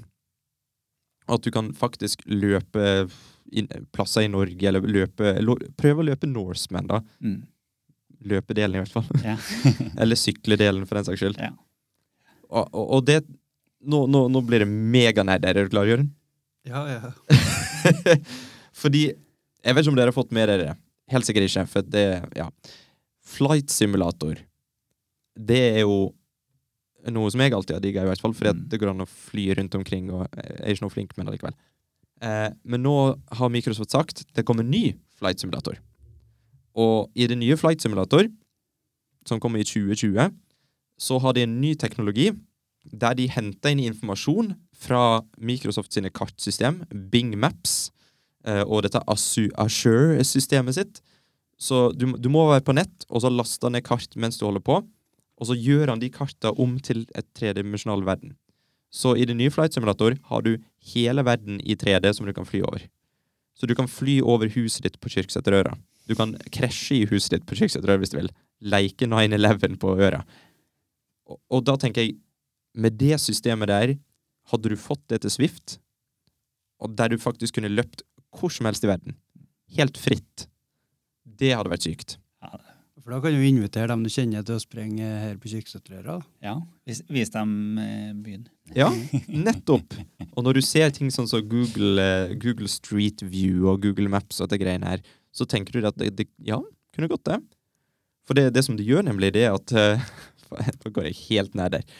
Men de tar kartet som er lagd av satellitter, og de satellittene de kan nemlig måle eh, høyde og avstand til bakke og, og sånne ting. Og da, basert på hvor mye avstand en malte, målte på hustaket ditt i forhold til gressplenen utenfor, så kan den da lage en tredimensjonal sak av det. Og så kan du sitte og bare Ja. Jeg jeg syns i hvert fall det er veldig, veldig artig å tenke på. For de sa det at hvis de, hadde, hvis de skulle putta det på Blu-ray-disks og, og solgt det spillet fysisk, så hadde det vært på hva var det for noe, 900 terabyte eller noe sånt. Det hadde vært altfor mye. Mens siden du nå bare kan streame det fra skyen, så kunne du fått det på en telefon, egentlig. Det er imponerende. Ja. Så det er liksom drømmen min, da. Og bare et slags Hvis du, hvis du, eh, du har sikkert prøvd Google Street View, Ja. Der du klikker hvor du vil gå, vil du gå fram i gata, eller Det systemet, bare at Vet du hva, nå logger jeg meg inn på Swift, pom, så står du utenfor døra di. Og så kunne du valgt i en meny om du ville reise noen andre plass i verden, eller så kan du bare løpe. Og hvis du vil ha svinga, for du løper jo på ei mølle, selvfølgelig Hvis du vil svinge, så er det bare å trykke på telefonen din til høyre, sant? så løper du den veien. Det hadde vært så kult. Så kunne du løpt. Kunne løpt fra Øra til Dublin! Det var random. Eller spreng til butikken. Ja, du kan Ja, sant! Hvor lang tid bruker jeg til Coop-en? Mm. Nei, det er drømmen min i hvert fall. Ja, det er, ja, det er bare fantasien som er Men du, det var noe du sa du brukte Var det et eller annet pods? Footpod. Footpod. Footpod. Hva er det for noe? Eh, Det er en sånn fotpod med, med blåtann på. Så det er sånn at den den, når du springer da med den, så skyter den farta inn til iPaden, da, som er kobla til Swift, Så har det rundt ankelen, liksom? Eller? på skolissa. Du, du, okay. du putter den under skolissen, og så knytter du over. Og da er du med i ja, Swift-verden. Men du Også, har Ja. Ja. Du har eh, sykkel, sånn uh, Ja, hjemme i kjelleren har jeg en sånn uh, Da blir det ja, hva skal jeg kalle det? En taksmaskin. Eh, Du tar av bakhjulet på sykkelen, og så hekter du på en sånn eh, ja, magnetmotor. Eller magnet, da, som eh, når du tråkker rundt den, da, så produserer du watt. Og da får du en viss fart på sykkelen, da. På Swift. Det er på samme måte som på en fotpodden, da. mm. En tredemølle har du ikke hjemme? Nei. Ikke plass? Eh, ikke ennå. Jobber med saken. Oi, oi, oi, Øyvind, da. men, det- men det som du sier, det som er så kult med dette her, er at du kan bare ta med telefonen din, Mm. fest på footpoden, eller den står jo som regel på skolen uansett. Gå på treningssenteret, bare sett opp telefon eller iPad, Mm. og så er du med. Kan du løpe noen Ja, venner i altså- Argentina. Ja, og så kan du uh, avtale Jeg blitt veldig godt kjent med en i vinter her. uh, en som er fra Malta. Som skal være med i Paralympics. Ok? Han holder på å kvalifisere seg dit. Så han er veldig ivrig og gir litt motivasjon frem og tilbake til hverandre. Så det er litt kult. Mm. Så verden er liten. Men selv om den er stor. oh. Stig, det høres ut som at du er, du er med på det, men jeg vet jo at du ikke er Nei, nei, jeg er, jeg er ikke det. Uh, men mor mi har drevet mast om dette her nå i tre-fire år. Og, og jeg er veldig Ja, jeg har veldig lyst. Og jeg, jeg sitter jo faktisk av og til og ser på Swift-videoer, sånn på streamingtjenester sånn som Twitch og sånn. Men, eh, men jeg har ikke blitt med ennå. Så det, det var jo litt av motivasjonen min rundt at jeg, jeg hadde lyst til å lage litt treningsstudio ute i garasjen her. Eh, fordi jeg hadde lyst til å sette opp en sånn Swift-stasjon, da, men så fant jeg ut at det var så mye arbeid å pusse opp. Ja. Men eh, ja, nå i vinter så kan det godt hende at jeg tar meg eh, litt Swift-tid på, eh, på treningssenteret. Får med noen venner i Ja. Italia. Ja. Jeg har faktisk vært med på noen sånne livesendinger. Eh, Noen ganger så har jeg, har ikke visst at det har vært sending heller, før etterkant. Okay. For noen som har sagt det underveis. Og så kikker du på streamen etterpå og sa Wow, this Bertelsen Tangwick. Ja, for det er kult. De har kommentatorer. Ja, det er kommentatorer Ja. for pakke. Så liksom Jeg lå jo frem og dro der, og var jo ikke klar over at det var livesending. Altså. Hvor kult er ikke det, da? At du liksom At du bare Får være sykkel, eller? Ja, det var på sykkel. Ja, Ja. At du, du setter deg på treningssykkelen og så bare logger deg på Swift. Bare, ja, nå sykler vi på tur her. Og så uten at du vet det, så er det en kommentator som sitter og elsker deg. Jeg så jo etterpå det var det ble 3600 inne og kikka. Så jeg sånn, Ikke at det er noen store tall, men det er litt sånn wow. Ja, men det, det er sånne ting. Det, så det bare legger til på motivasjonen. Du får bare mer lyst til å Ja, hvis jeg skulle ha puncha enda mer. Men har du, har du sett noe på TV i det siste? Har du hørt om en TV-serie som heter- Exit? Nei, jeg har ikke så mye tid til å til TV. Jeg måtte bare spørre. Ja, nei, jeg kikka mest friidretts-VM siste, men ellers har jeg kikka på lite TV. Ja, ja, ja. Mm. Skjønner den. Skjønner den. Ja. For det er vel det familie og arbeid som går med resten av tida går med på. Det, det, og, og restitusjon. Hvile. Søvn. Ja. Det er òg viktig når du tipper 40. Men uh, arbeidet for det er nå ikke eh, helt A4-del. Nei, det er kanskje ikke jeg heller, men uh, det er sikkert derfor ting er som det er. Gravferdskonsulent, som Ja. vi ble enige om at det heter. Ja. Du kan ikke fortelle litt om det, da? Eh, Ja, det er noe et stort spekter der. Ja, for du kjører meget rå biler. Du gjør det? Ja da, det er en, eh, det er en fin bil. Eh, Vi er stolt av den. Ja. Så, men det føler jeg at det er viktig, og vi er kanskje litt sånn når ting skal gjøres, så skal det være bra. Mm. Sånn det er likeens med jobb og, og fritid. Ja, for det, det, det er jo akkurat som du sier, det er helt klart et aspekt med det. For når, når, hvis en familie kommer, og en person i familien deres har, har dødd, Mm. eh, så, så vil de jo gjerne ha det så fint og fjongt som mulig i begravelsen. Ja da, at det skal være fint og verdig, og Ja, for du, du kan liksom ikke bare sånn Ja, da slenger vi den bak i karavellen, og så Nei da, vi, vi er sånn det som er spesielt med begravelsesbyrå, du har kun én sjanse å gjøre det riktig. Mm. Det er én gang du skal stelle en person, det er én gang du skal legge ned, det er én gang du skal inn med kista, det er én gang den seremonien skal være. Så, så ja. Det, det må være riktig, og det må være bra. Det er litt av et ansvar. Ja, det er, det, det er et stort ansvar, men eh, det er òg ærefullt. Mm. Uh, ja. Ja, for det når jeg bare kom jeg på uh, Jeg var i en begravelse uh, det er mange år siden. Og det var en sang som skulle spilles på CD. Og da bare begynte jeg å tenke på Hvor hvis det er hakk til den CD-en? Og så sa jeg det til tanta mi, og så sa hun det. Jeg lova at han Ola han var sjekka gjennom den CD-en. ja, nei, det, det, var- det er den største skrekken, at en sånn ting skal gå skeis. Mm. Eh, For da er det ofte det du husker på fra den dagen. Ja. Og det går ikke. Så da må man på en måte ha full kontroll på, Ja. på alt. Da var vel den testa fem ganger, tenker jeg. Ja, det var det jeg fikk tilbakemelding på, at uh, han har nok sjekka den, ja. Ja. Jeg husker på en gang jeg skulle, eh, fikk en PC som jeg skulle sette på en sang. Kirka var helt full. Og det var tid for at jeg skulle gå bak på rommet og sette på den. Jeg kommer bak der, så alt svart. Oi. Ja. Da Men det, det ordna seg til slutt, rett. Så det ble en liten kunstpause. Men det, jeg var ganske svett. Ja, Ja, så etter det, så mm, Ja. Så skal alt prøves. Men jeg har, jeg har Dette er litt urelatert. Eh, men jeg var i et bryllup i Gjøvik eh, til en kompis av meg som heter Thomas.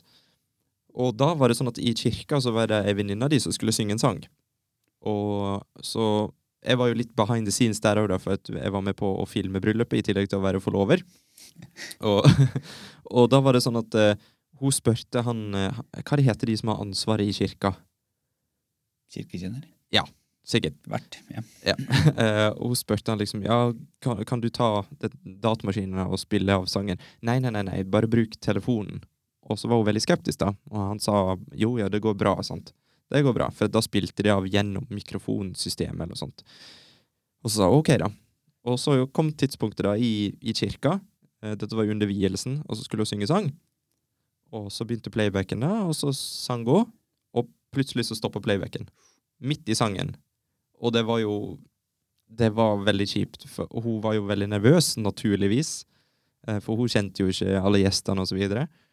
Så da ble det liksom en stopp, og så stoppa hun å synge litt og spurte åssen Nå forsvant visst musikken, eh, skal jeg fortsette? Og så fortsatte hun litt, og så kom musikken litt tilbake, og så bare forsvant den igjen. Så var det sånn Ja. Da var vi ferdig med sangen. Og da, da fikk jeg så vondt på hennes vegne, for hun hadde virkelig prøvd. Mm. Hun hadde virkelig prøvd å få alt til å liksom være på stell på forhånd, men han som holdt på i kirka der, han bare han var så fast på at jeg vet, jeg vet hva jeg driver med. Så det Ja. Jeg er sikker på at det var, det var ikke bare hun som hata han kirketjeneren den dagen, for å si det sånn. Men hun fikk god applaus, da. Hun var flink. Men du har ikke noen sånn skrekkhistorie fra Nei, egentlig ikke. Nei. Ikke som jeg kan komme på. Ikke noe sånn, nei. Det er bra. Det, Det har skjedd at det har vært et tallfeil, for eksempel, og da, det er sånn nok til at jeg kan greie meg ned nesten. OK. På en dato eller noe sånt. Ja. Ja. Ja. Ja, for hva, hva er Det er jeg litt nysgjerrig på, faktisk. Eh, hva er alle arbeidsoppgavene? For det, det som folk ser, er jo på en måte at dere kjører, kjører likbilen. Mm. Og, eller heter det kanskje noe finere? Gravferdsbil. Begravelsesbil. Begravelsesbil. Ja. Ja. Og at dere kjører, at dere Ja. Hva er Ja, vi, vi er ikke så synlige, Den jobben vi gjør, er ikke så synlig, egentlig. da. Eh, vi gjør jo egentlig alt fra at, du, og spesielt vi som driver mindre byrå. uh, vi har en Kollegaene mine som driver, jobber i store byråer, har noe helt annen arbeidshverdag. Okay. De har jo sånn åtte til fire.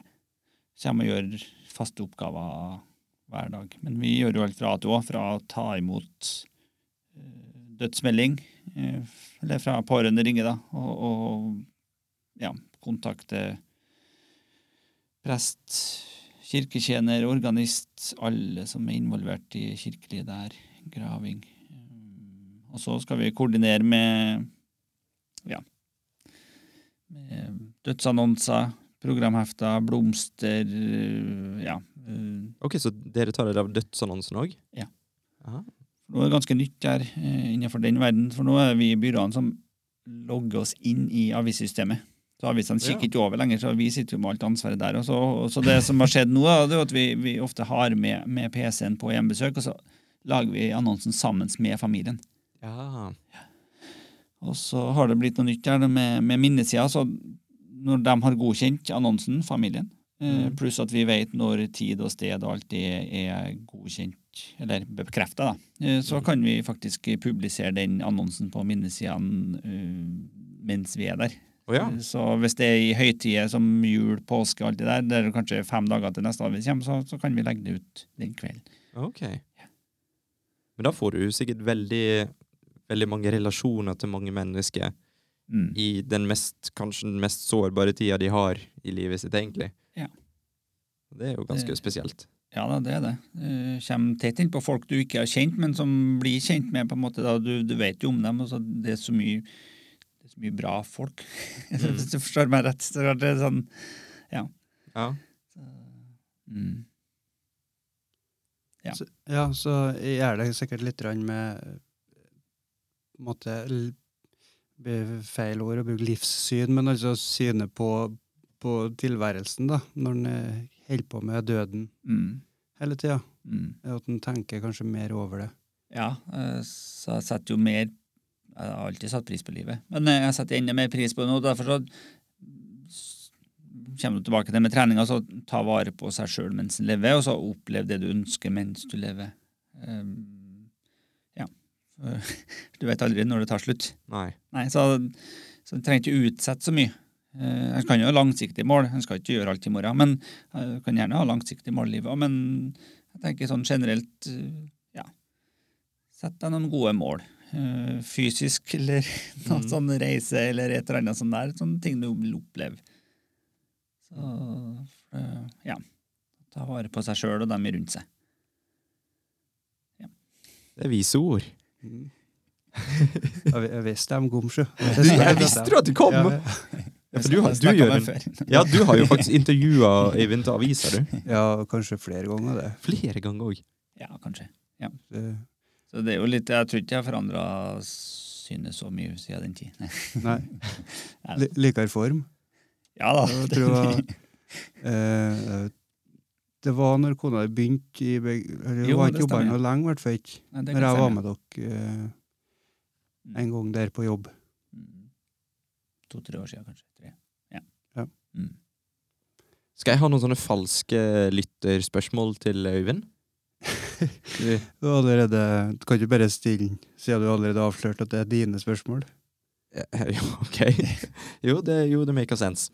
Mm. Uh, OK. Hei sann, Øyvind. Hei. ja, sant. Bra. Veldig bra. Eh, jeg har veldig lyst til å begynne å løpe, men jeg syns det er så mange løpesko der ute. Hva for noen sko bør jeg kjøpe som førstegangs løpemann?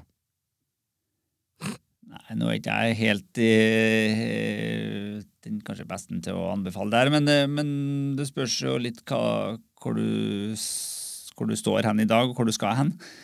Eh, ja, finne en sko som passer, og få litt eh, Kan gjerne ta en liten sånn eh, ja, fotavtrykk, nesten. Om du har plattfot eller eh, stor eh, Hva heter det? Fotbue eller noe sånt. Ja, Så du, fin, du, fin, finner riktig sko, da. kan du gjøre det med bare fotavtrykk? Ikke fotavtrykk, men sånn, ofte har de sånn plate som du stiller deg på. Ja. For å dobbeltsjekke, da, liksom. For det er jo så mye forskjellige sko. Mm. Så Men da må du til byen, må ikke? Kanskje. Jeg vet ikke. Det er det som irriterer meg, for jeg har vært Ja. på løplab noen ganger. Ja. Og der er det sånn at du kan løpe på mølle, og så har de sånne video og bilder Ja, da tar litt film av trykk, ja. hvor, hvor, hvordan du lander. ja. Om du, om du lander på tå, eller om du lander på hæl. Eh, ja. Så det jeg prøver å si her, at kjære Ove Aunli, skaff deg en sånn, der, eh, sånn tredemøllesak der vi kan For vi har lyst til å kjøpe lokalt. Ja. Så det, ja. ja. s- skal ikke reklamere så mye, men en, en sånn uh, Hoka Clifton 6 kan jo være en god start. Samme sko som meg, godt valg. Oh, ja. men, men ta det med ro i starten, da. Gnir inn. Ta det trinn for trinn. Jeg har vært der sjøl. Ok, Her kommer jeg med et, med, eh, et mye mer dystert spørsmål. Er du klar? Ja. Hei, Øyvind. God kveld. Eh, pappa har nettopp gått bort. Eh, hva må jeg gjøre? Ja, si det.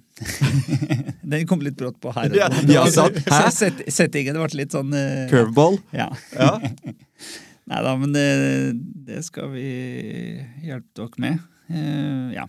For det, Dette er et genuint spørsmål. Det er sånn jeg lurer på Hvis for eksempel La oss si Jeg kan ikke si noe uten at folk tar det ille opp, vet du. Men hvis, hvis noen nær meg hadde dødd, Mm. Og så hadde jeg vært sånn Jeg er i sjokk. Mm. Hva, hva gjør jeg videre, liksom? Ja. Er det bare å La oss si jeg hadde ringt deg. Mm. Så hadde jeg sagt Det er ikke bedre å ringe ambulansen, Stig. ja, men, okay, men dette, dette, dette er ikke rett Det- etterpå. Det er ikke Jeg svarer for deg. det er ikke sånn Monica besvimer på sofaen, og så ringer jeg rett til Bertelsen. Neida. Neida, men det, ja, det er ofte spør om da, hvor det har skjedd hen, og litt sånne ting, da, så du danner oss et bilde. Eh, ja, Mm. for det er vanskelig å, vanskelig å når, Jeg har jo aldri vært det sjøl, men liksom, det er vanskelig, så vi prøver å spø litt sånn. ja Men, men, men er det sånn at, at dere kan bare ta over? Svopp, gå inn og så Nå, nå snakker vi fortsatt eh, dette er ei stund etter dødsfallet. Det er ikke sånn at noen ligger død på gulvet. Vær så snill, Øyvind, kom og plukk. Ja. Eh, da tenker jeg på liksom sånn Hva er det dere tar dere av? Er det sånn at Slipper jeg å tenke på noe? Hva er det Ja da, som jeg bruker å si, at vi kan hjelpe til med det meste. Eh, Så det her er vi som byrå kan hjelpe til med, eller du kan gjøre noe sjøl òg. Men, Mm. eh, men eh, ja, noen har prøvd og begynt å gjøre ting sjøl, men så kommer det liksom tilbake til at OK, hjelp oss. For det, det, det er mye følelser, og det er liksom hvor skal du begynne? Det er litt kaos. Ja. Kan være Så du vet rett og slett hvor du skal begynne. Og det, det er jo der vi ofte kommer inn, da, for å være en eh, medhjelper, på en måte. da og Mm. hjelpe dem fra, fra, øh, ja, fra døden inntreffer til, til vi er ferdig i kirka, eller på grav, eller øh, ja, bisettelsen. Eller. Ja.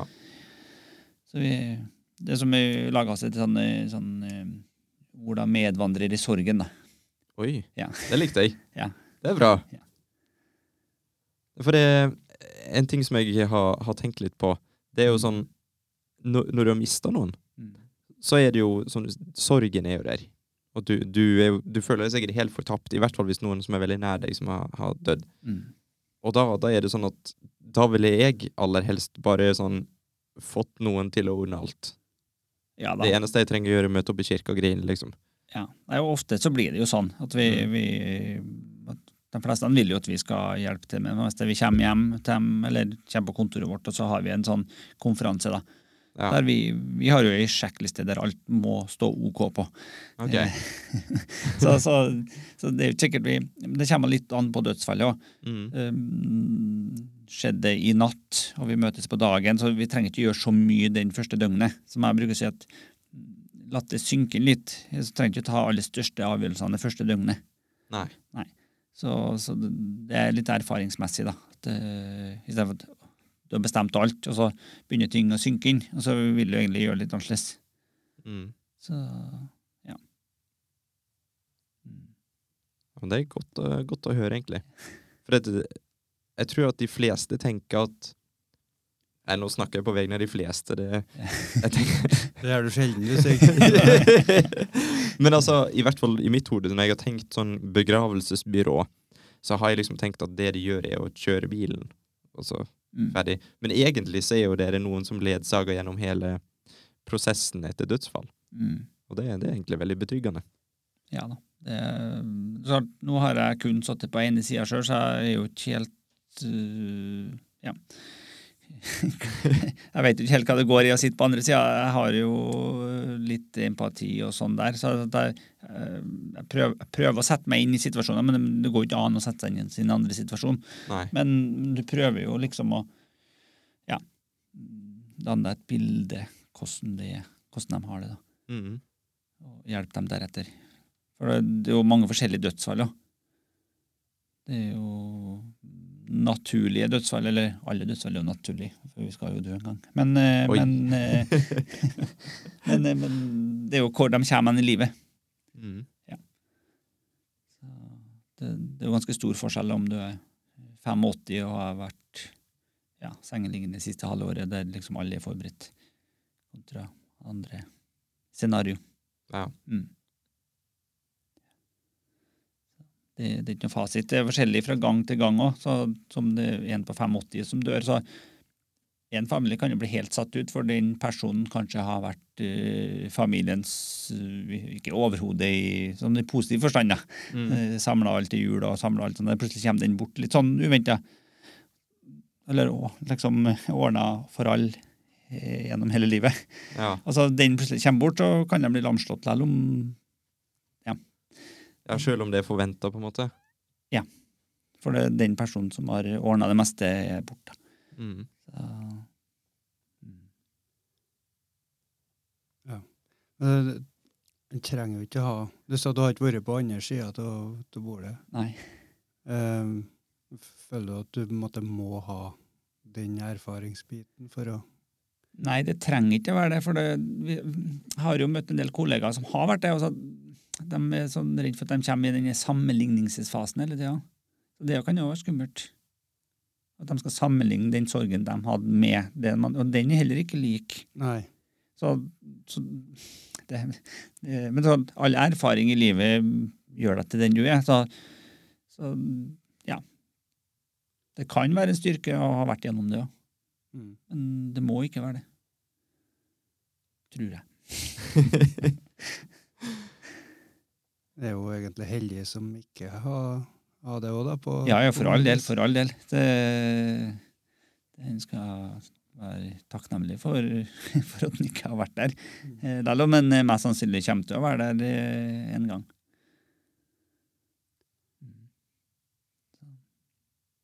Ja, for, eh, når eh, Det var for tre år siden, når vi Mm. intervjua gjennom Sørvesten. Da nevnte du noe om, om Var det bestemor, eller? Ja, ja, jo, bestemor er død. Eller alle, alle mine besteforeldre er døde, da. Eh, så, men da hadde jeg jo òg begynt i jobben min, da. Så hun Mm. var jo Det var et halvår etter jeg begynte jobben, så var jeg med og ordna begravelsen til, til bestemor. Hvordan, hvordan var det? vi, da var vi jo veldig forberedt. Eh, hun hadde jo, jeg snakka jo, jeg var jo besøkte henne litt i sånn september-oktober rundt bursdagen hennes. eh, Og det var jo tre måneder før hun døde. Eh, Så, men hun var jo sliten på livet. Hun sa det jo sjøl at hun var 93 år. Så eh, vi var jo forberedt, og vi jeg var så privilegert å vokse opp og spise middag med henne nesten hver dag Oi. For fra jeg gikk i første til niende.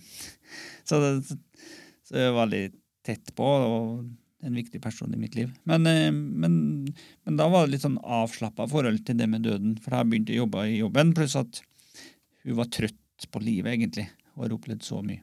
Mm. Altså, da hadde vi egentlig sagt farvel. Mm. Så ja, det var en fin, fin avskjed, egentlig. Ja. Følte ikke på det at du ikke fikk være eh, deg sjøl i begravelsen, men at du måtte være Jo, det, det var litt det jeg tenkte på etterpå, at uh, da var jeg på jobb, så jeg fikk Mm. ikke slappe av på den måten. da. Nei. Så det ble litt sånn Ja. Det vært godt å være helt fri. Ja. Bare komme til kirka og slappe av Mm. den dagen. Så det, det tror jeg nok jeg vil uh, gjøre hvis jeg opplever det igjen. Få en kollega til å bistå. Jeg syns det er litt rart dette her med kirka i. For jeg har aldri helt klart å, å slappe av eller være meg sjøl, eller jeg vet ikke hva jeg skal kalle det. Men For jeg har jo hatt, skal vi se Tre besteforeldre som har, har dødd. Mm. Og jeg har aldri liksom hatt noen sånne spesielle følelser rundt det. Så hver, hver gang jeg har vært i kirka i begravelsen, så har det vært liksom sånn Jeg har følt meg så utepass. For jeg ser, jeg ser jo folk som sitter og griner, og så føler jeg liksom at jeg burde, jeg burde stått og grene, jeg òg. Så jeg lurer egentlig litt sånn på hvor, hvor, vanlig er det å grine? Er det, er det vanlig å ikke grine? Er det Nei, det er vanskelig å si. Eh, Vi er jo forskjellige, hvert enkelt individ òg. Og så, så har vi forskjellig relasjon til den som er gått bort. Ja. Um, jeg tror ikke jeg skreik i begravelsen der heller, men, men vi tok på en måte avskjed tidligere, Mm. hvis du forstår meg rett. Ja. Så at jeg, var med på skal se, oppløpssida der, på en sånn Ja. Ja. Så en del skrik. Men det er sånn, ja.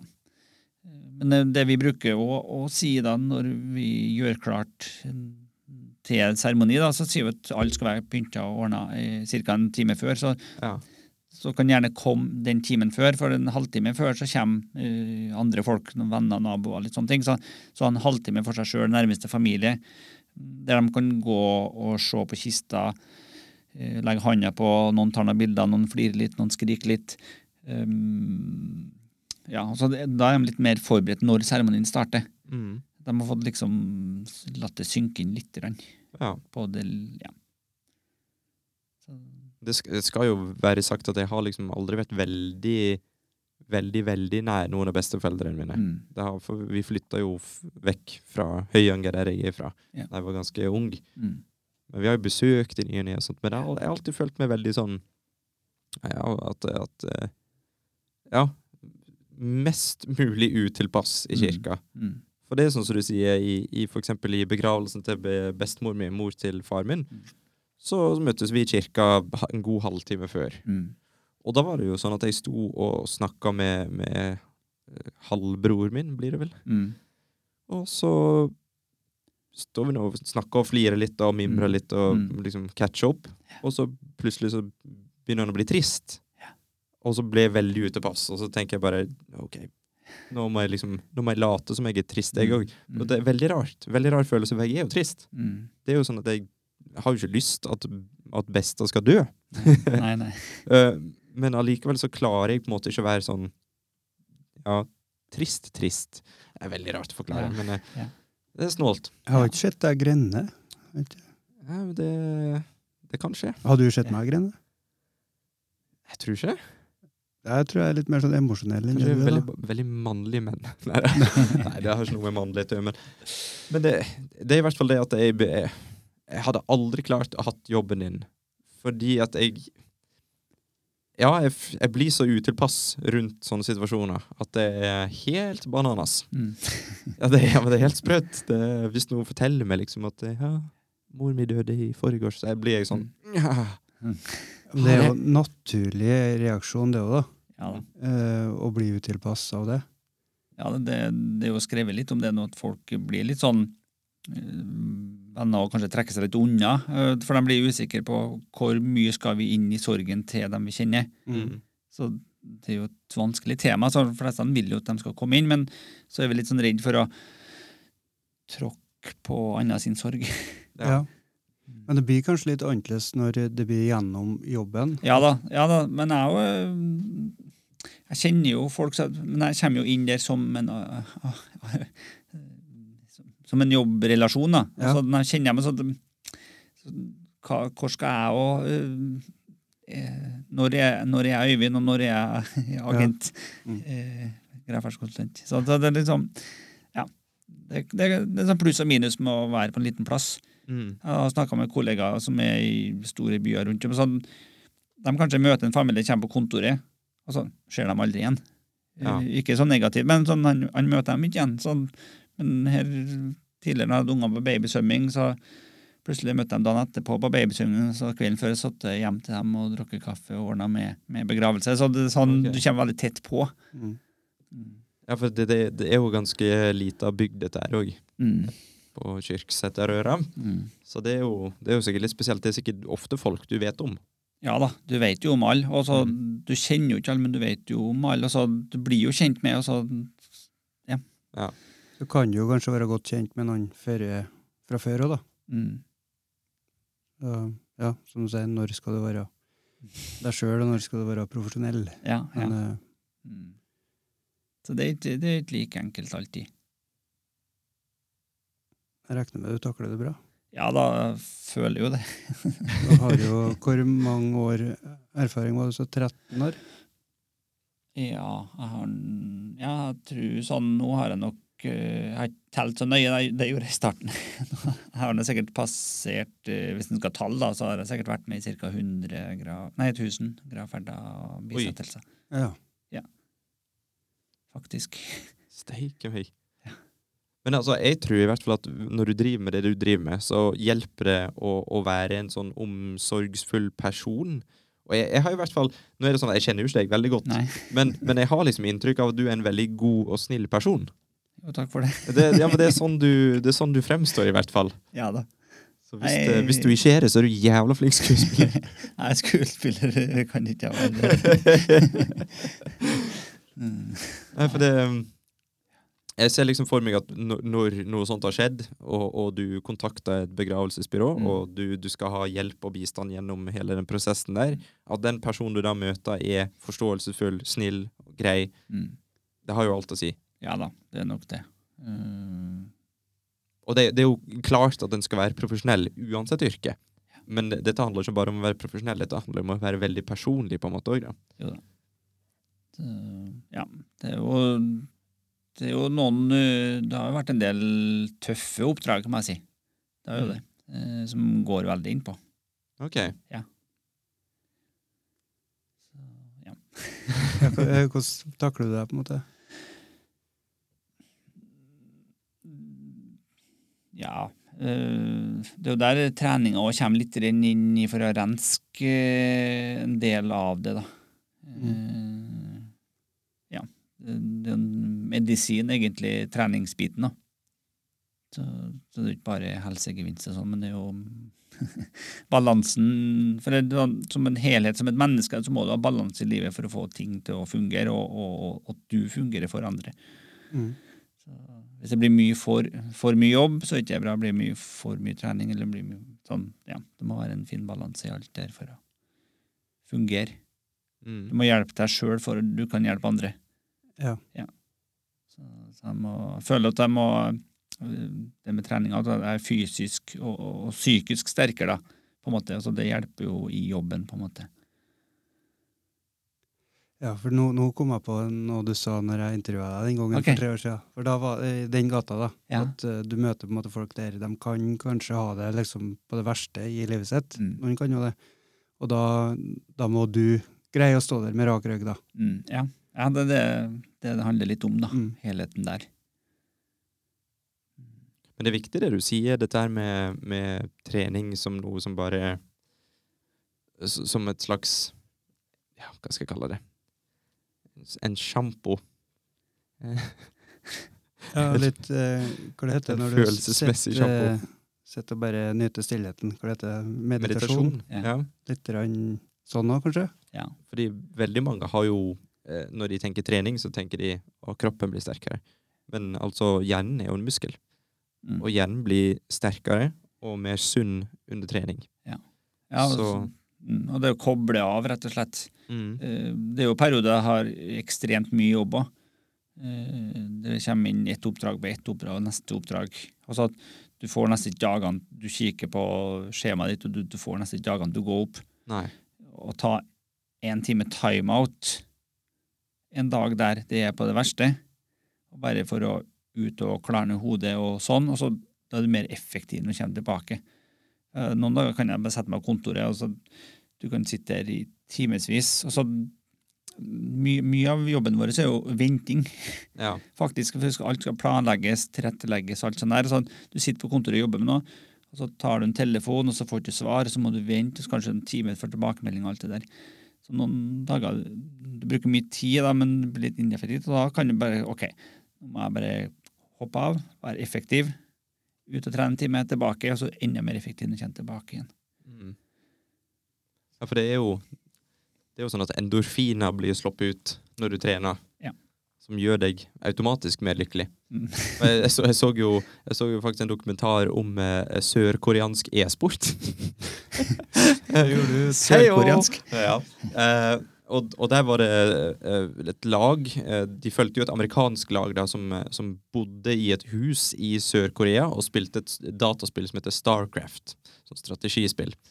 Og, og de var jo De var jo veldig De hadde et sånn veldig strengt treningsregime. Og da tenker jeg bare på at de satt og spilte åtte til ti timer daglig. Eh, de var påkrevd fra eh, manageren at de måtte ha en time fysisk trening per dag. Fordi at hjernen fungerte ikke ordentlig uten. Og det, det var veldig sånn eh, Når jeg så den dokumentaren, så var jeg jo veldig, veldig sånn dataspillperson. Mm. Og da så jeg liksom ikke vitsen med å ut og trene. Men når jeg så den dokumentaren, så tenkte jeg bare hmm, kanskje? Kanskje det er smart? Jeg var- jo, var litt inne på det med e-sport. Ja. Eh, for lederen i, i Triathlonforbundet, sønnen hans, var jo en av dem som vant den prisen i New York. Fortnite eller et sånt. der. Å ja. ja. Så det er sønnen til han lederen i Triathlonforbundet. OK. Um, og han sier jo at han er jo Han hadde sikkert ønska at eh, sønnen var med triatlon, men, men, eh, men det er faktisk eh, toppidrett. Eh, han har jo sånn Han var jo med på en test der de tester blikket på øynene. Så han er jo på høyde med Ronaldo Ja. på det. Og de er ute og trener fysisk. Så mange tenker ok, ungene sitter hjemme og spiller spill og alt det der. Så, eh, men eh, e-sport er faktisk eh, Jeg fikk jo litt opp øya for deg jeg med sjøl, med fysisk e-sport. Men sånn, det, det, skal du nå langt der, så du må være skjerpa. Du må Mm. være klar i tankegangen. Du må ha blikket liksom det, det er mange egenskaper som må trenes. Ja, og det er, jo, det er jo akkurat som hvis du er fotballspiller, så må du fortsatt trene vektløfting liksom, for, å, Mm. for å få opp massen, for å bli Fysisk. ja, større fysisk, rett, Mm. rett og slett. Og det er jo akkurat sånn med e-sport òg, faktisk. Du Kan må- dra inn i sjakk og der, da? Han Magnus Carlsen, han, eh, han holder seg nå i form, han òg. Ja, ja, ja, og det har han jo sagt i intervjuet òg, det, det gjør han fordi han må. Mm. Han, han må eh, holde seg i fysisk form, for ellers så funker ikke hjernen ordentlig. Mm. Mhm. Så det er jo alt det er knytta sammen. Ja. Skal du nå langt eller gjøre det bra i de tingene du er med, så må du være skjerpa. Mhm. Så der føler jeg at jeg har funnet balansen med, med jobb, familie og trening. da. Det er Øyvind Bertelsen, det. Begravelsesagent. jeg drar den. Eh, Og så var det det vi sa? Var Ja. konsulent? Ja. Ja, konsulent. ja. det går bra. Og, og så triatlonmester. Vi kaller deg mester. Og gamer. Du kan jo kalle det det. Ja, e-sport. Ja. Ja. Ja, ja, ja, ja, men altså e-sport er jo bare toppen av gaming. Ja. Ja. Mm. Det er fantastisk. Er det, det høres mest ut som avrunding. Det var nesten en avrunding. Mm. Vi har helt på i nede to timer nå, da. Så det Ja. går jo an å Du har Ja. Er det greit om vi, vi runder av? Ja, ja, det, vi, kan, vi kan runde av. Har ikke mer på hjertet? Nei da. Vet du hva, da trykker jeg. Tusen hjertelig takk for at du hørte på Stig Ørund snakke med. Eh, skal du si takk du òg, Stig? Tusen takk til Øyvind Bertelsen, Ja. som møtte opp her i garasjen. På en par timers varsel. Ja. Takk, Jaggu takk for at jeg fikk komme. Ja. Jo. Og artig å høre på. Altså, eh, Ja. jeg, jeg visste jo litt hva som kom. Jeg syns det er litt artig å snakke om det der. Sånn, eh, ja, men altså, jeg føler liksom vi har fått, vi har fått både Jeg har fått lov til å nerde ut litt, uh, og vi har snakka litt om, om løping og, og sånne ting. Og så føler jeg liksom Jeg føler det var litt djupt òg ja, det er dype jeg liker. eh, Du er litt mer sånn djup, jeg er litt mer nerd. Det er bra. Du er det beste av begge verdener. Den godeste Øyvind Bertelsen. Yes, skal vi si ha det bra? Skal vi det? Tre, to, én. Ha det, Ha det bra. Hei da. like a treasure from the tree.